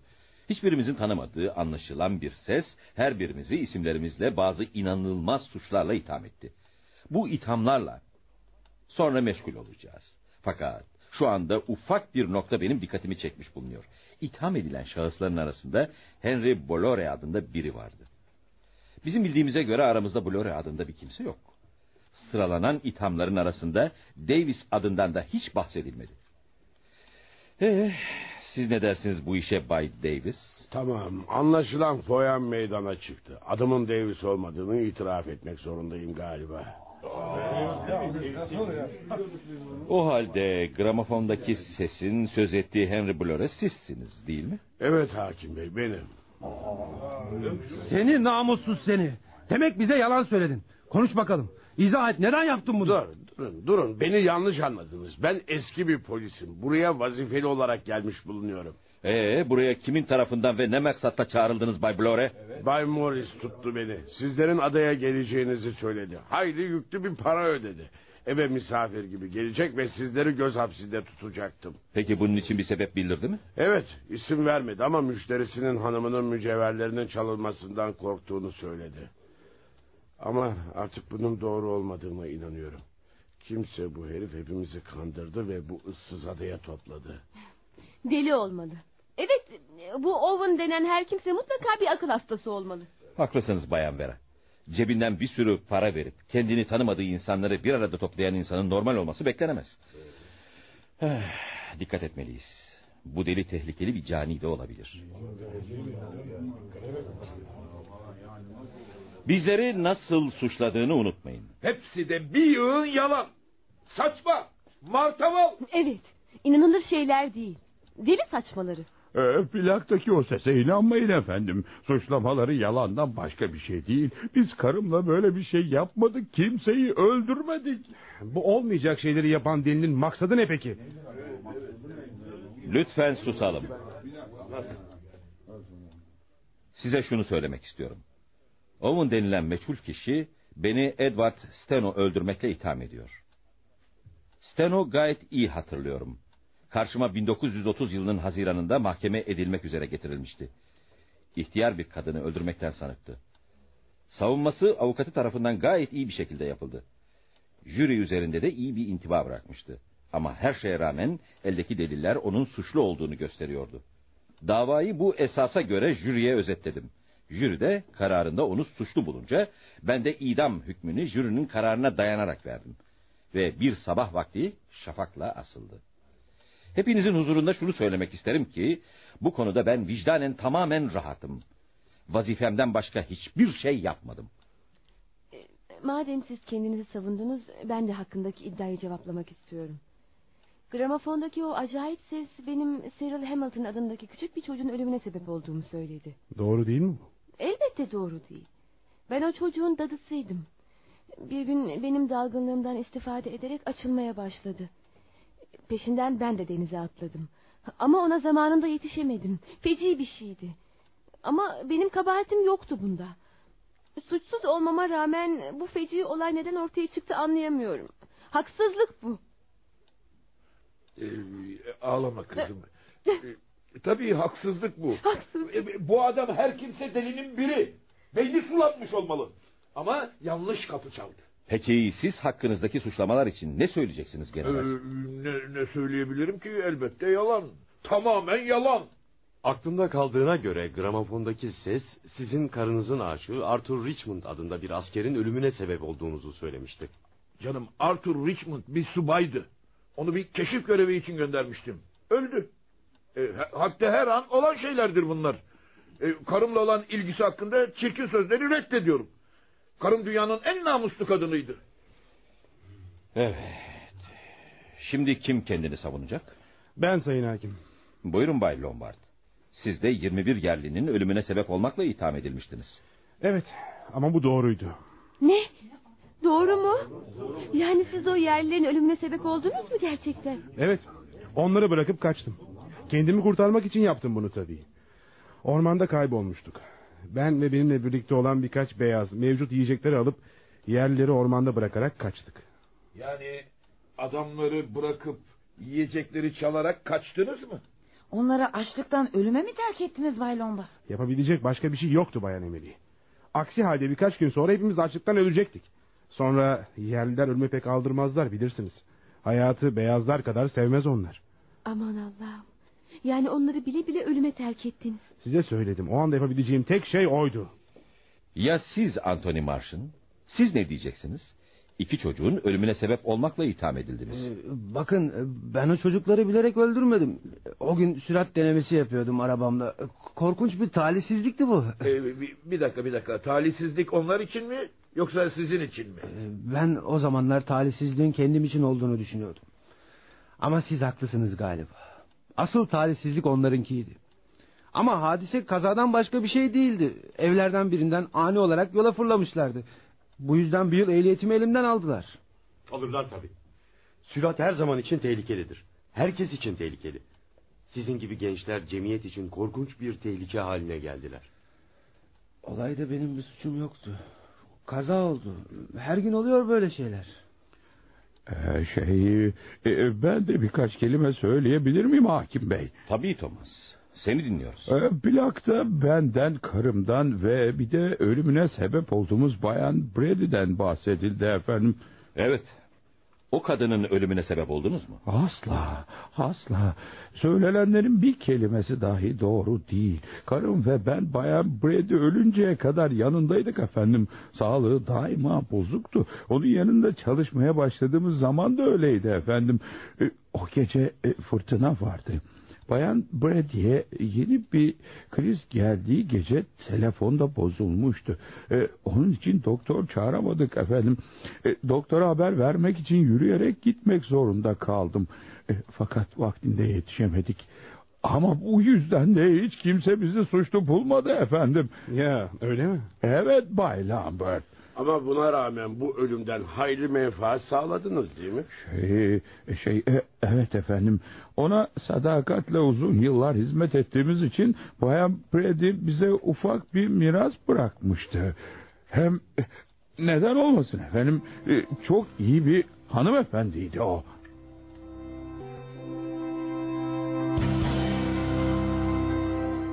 On Küçük Zenci adlı oyunumuzun ikinci bölümünü dinlediniz. Üçüncü bölümde buluşmak üzere, hoşçakalın.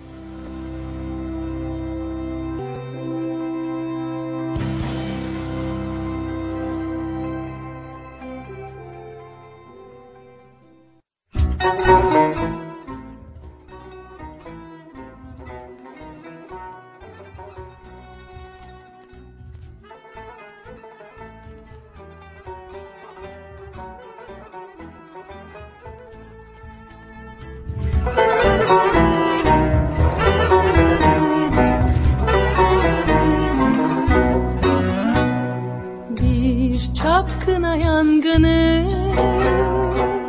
Her yanı bilsen ne hoş. Neşesine baygınım Sarhoşum sarhoş. Neşesine baygınım Sarhoşum sarhoş. Gözünde bir ışık var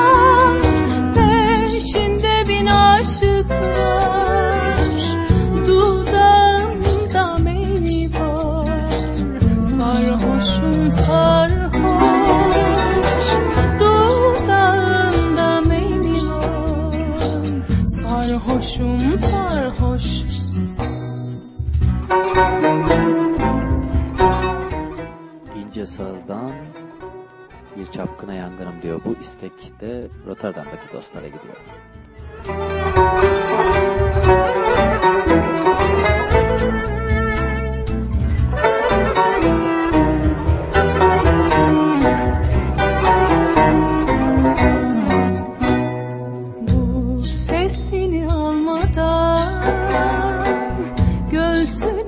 Yaslanmadan Gözlerine bakmadan Sarhoşum sarhoş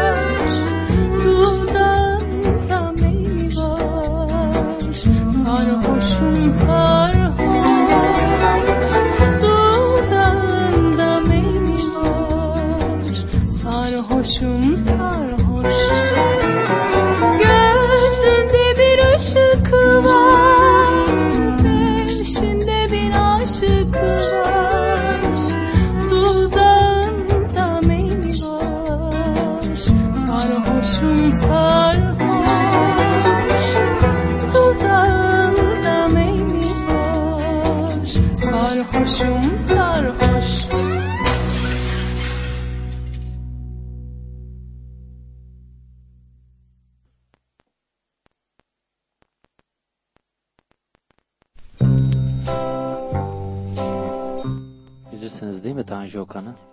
Eskilerden. Tüm hasret çekenlere gelsin o zaman. Yine Rotterdam'dan bir istek bu. Hasret desin Tanju Okan.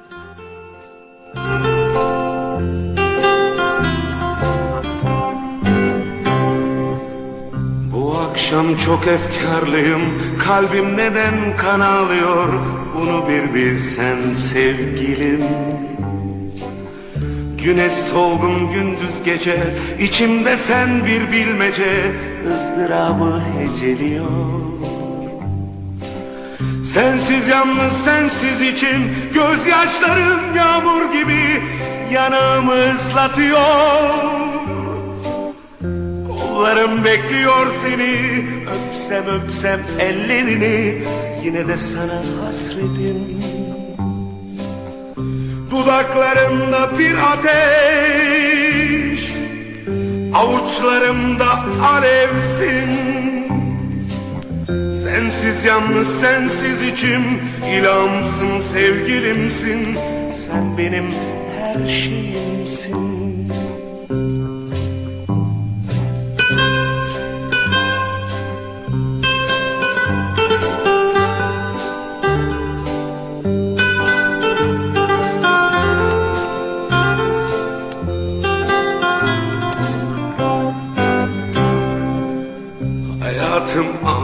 anlamsız şimdi Sendin bana neşe veren Seviyorum sevdim. Diye Sen benim sıcak güneşim Güzel tatlı tek eşimdin Kara sevdam sevgilimdin. Unutamam asla seni Her gün anıyorum yasla seni. Ne olursun dön bana. Kollarım bekliyor seni Öpsem öpsem ellerini Yine de sana hasretim. Dudaklarımda bir ateş Avuçlarımda alevsin. Sensiz yalnız sensiz içim İlhamsın sevgilimsin. Sen benim her şeyimsin. Güneş solgun gündüz gece İçimde sen bir bilmece ızdırabı eceliyor Sensiz yalnız sensiz içim Gözyaşlarım yağmur gibi. Yanağımı ıslatıyor sevgilim Yanağımı ıslatıyor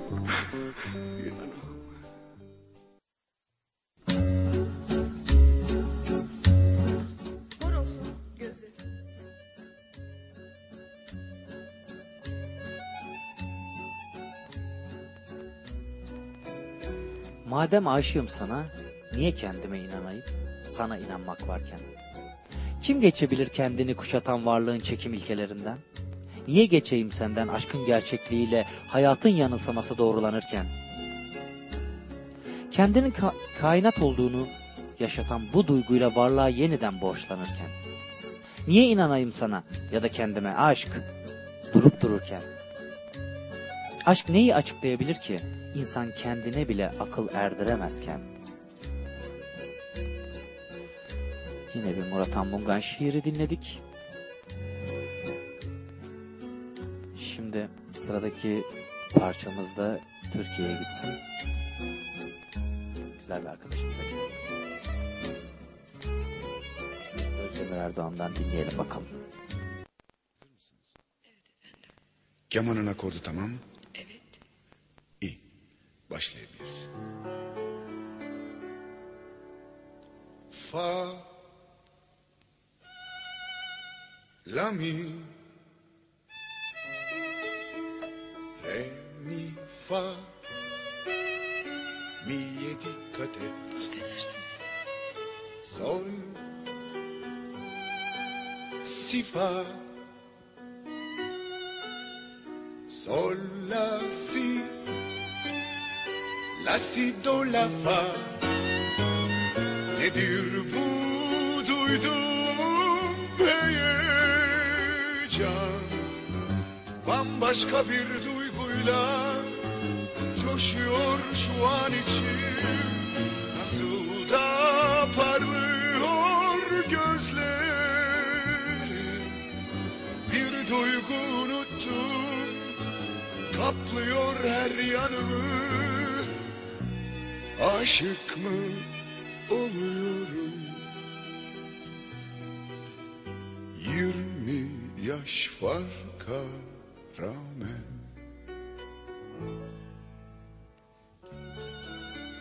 Ben sana söylemek istiyorum ki ben seni. Öyle çok Seviyorum ki seninle birlikte göz göze Geldiğimiz anlarda bir garip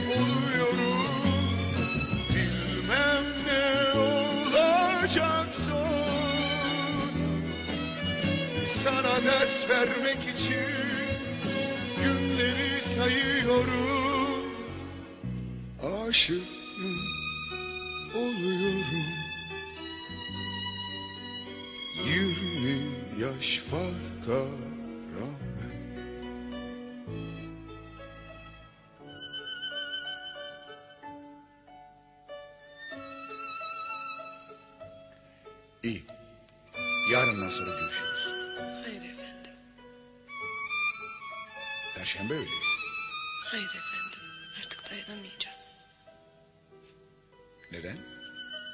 Derse devam etmek istemiyor musun? Hayır efendim. Peki ama neden? Çünkü çünkü ben de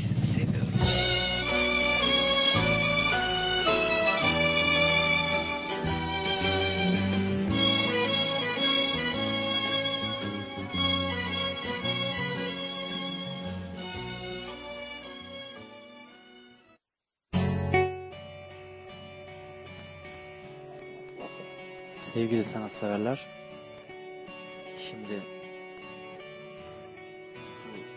bakın telaffuz edebilecek miyim? Bu istek e, değişik oldu biraz. Bugüne kadarki isteklere pek benzemedi. Ben sadece şehir belirtiyordum ama bu sefer direkt isim söylüyoruz. Hemen bakıyorum. Ee, neredeydi, neredeydi, neredeydi, neredeydi? Çavur, Cavur İbo'dan Beyhan'a gidiyormuş bu bir sonraki şarkı. Ee, ama önce kreşten yarım kalan şarabı dinleyeceğiz. Arkasından gelecek istek Cavur İbo'dan Beyhan'a gidecek. Ali Sezai isyan diyecek. Şarkı peş peşe. Belki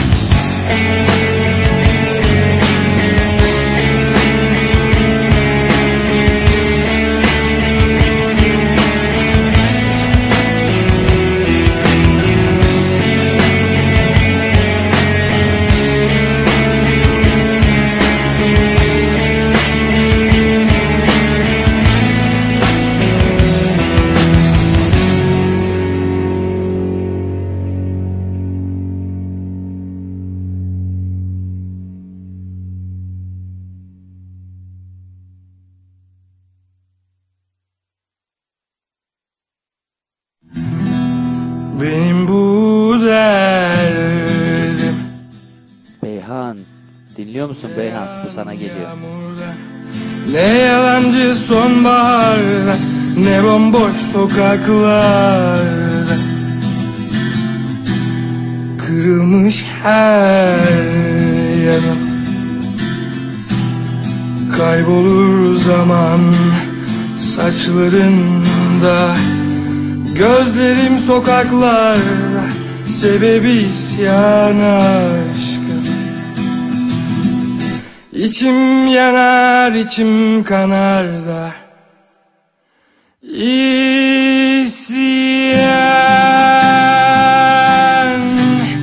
Geriye bir avuç. Yalan Beni bu derde. Sen attın da Gittin ya kafam duman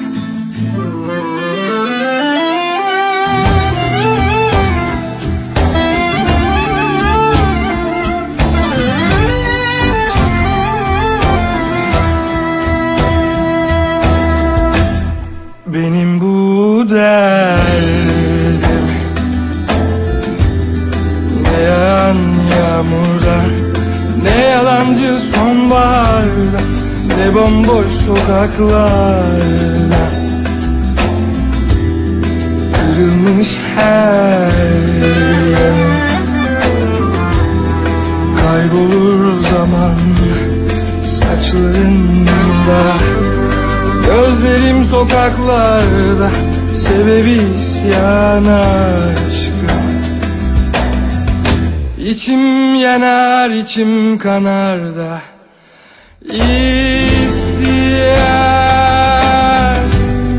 Geriye bir avuç yalan Beni bu derde da Gittin ya kafam duman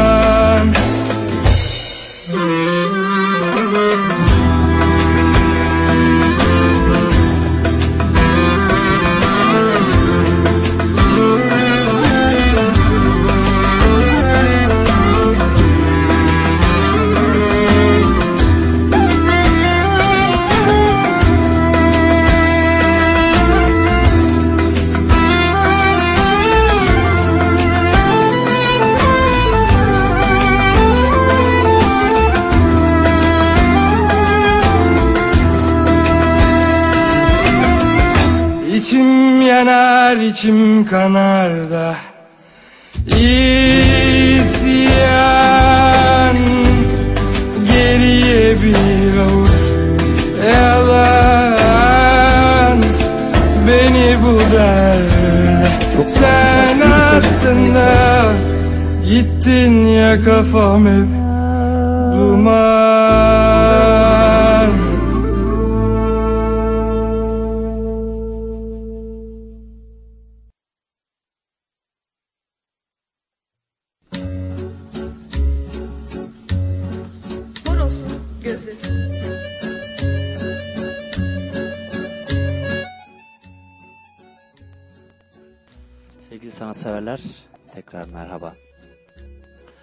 şarkı peş peşe dinledik biraz dinlendik.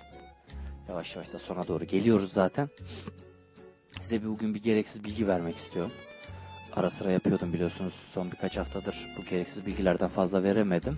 Unuttum hep ya da programımız çok yoğundu. Bir türlü denk gelmedi. Kı- Bugün konuşacağımız konu kırmızı renk boğaları niye kızdırır? Aslında kırmızı renk hiçbir boğayı kızdırmaz. Çünkü boğalar renk körüdür ve kırmızıyı diğer renklerden de ayırt edemezler. Boğa güreşinde de matador aslında boğayı eline aldığı şapkayı sallayarak kızdırır. Boğanın kırmızı şala saldırdığı inancı o anlamda yanlıştır. İspanya'da boğaların kırmızı rengi saldırdığı inancı aslında matadorların kırmızı başlık kullanmaları nedeniyle yaygınlaşmıştır. Halbuki başlıklarda bu renk boğayı kızdırmak için değil de seyirciye hoş görüntü verebilmek için, daha görünür kılabilmek için seçilmiş. Eskiden ee, kırmızı renk aslında insanları etkiler. Yapılan deneylerde e, bu rengin insanlarda kan basıncını yükseltip kalp atışını hızlandırdığı saptanmıştır. Bunun nedeninin de kırmızının kanın rengi olduğu sanılmaktadır. Yani kırmızı ve kızıl. O yüzden kırmızı ışık vesaire romantizm demek ki. O yüzden etkiliyormuş bizi. Ee, boğalarda arenada kırmızı rengi görünce asabileşmezler. Kendinizi boğanın bu il- ilginç bir bilgi. Kendinizi boğanın yerine koyun. Etrafınızdaki çığlık atan binlerce in- insanın ortasında tozlu, gürültülü ve çok sıcak bir ortamda sırtınıza saplanmış onca kılıcın acısı içinde bir de şapkasını salım salım sallayarak üstünüze gelen bir adam varsa yani kızmak için bu kadar sebep varken sırf rengi kırmızı diye biz bir bez parçası parçasına kızmazsınız. Boğa güreşi hakkında bilinen yanlışlar sadece bu kadar da değil. Aslında boğa güreşi geleneği İspanya'da doğmuş değildir. İlk çağlardan itibaren boğa kuvvetin, dayanıklılığın ve verimliliğin simgesi olmuştur. Boğa güreşin ilk versiyonu antik Yunan, Roma, Mısır ve hatta Kore ve Çin medeniyetlerinde de görülür. Onların çeşitli versiyonları vardır. Boğaya Persliler taparlar örneğin. Afrika Zululuları ise öldürüp safrasını içerler. Tüm bu geleneklerin temelinde hayvanın gücü yatmaktadır. Bu geleneğin bir şekilde İspanya'ya geldiği, Avrupa ülkeleri içerisinde, içinde de feodal düzeni en son terk eden bu ülkede de kalıcı olduğu sanılmaktadır. Böyle bir rivayet söz konusudur. Bunu da bilin derim. Efendim saat 11 oldu. Ee, Horus'un gözünün burada aslında sonuna geliyoruz. Programımızı kapatacağız. Fakat ben biz size bir yarım saat daha müzik yayına devam edeceğim biliyorsunuz. Ee, hatta kalıp müzikleri dinleyin. Arada sohbet de ederiz ee, diye düşünüyorum. O yüzden müzik yayına devam edeceğim. Hepinize sanat dolu günler diliyorum. Kazanan önümüzdeki günlerde Facebook üzerinden açıklanacak merak etmeyin. Sanatla kalın, sanatla yaşayın diyorum.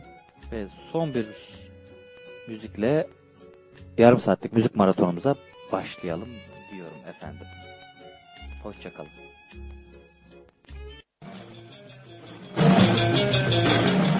Horos'un gözü.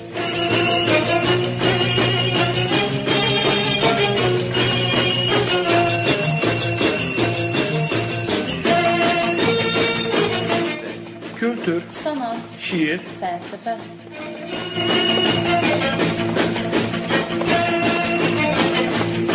Her hafta ödüllü yarışmalar Horos'un gözünde.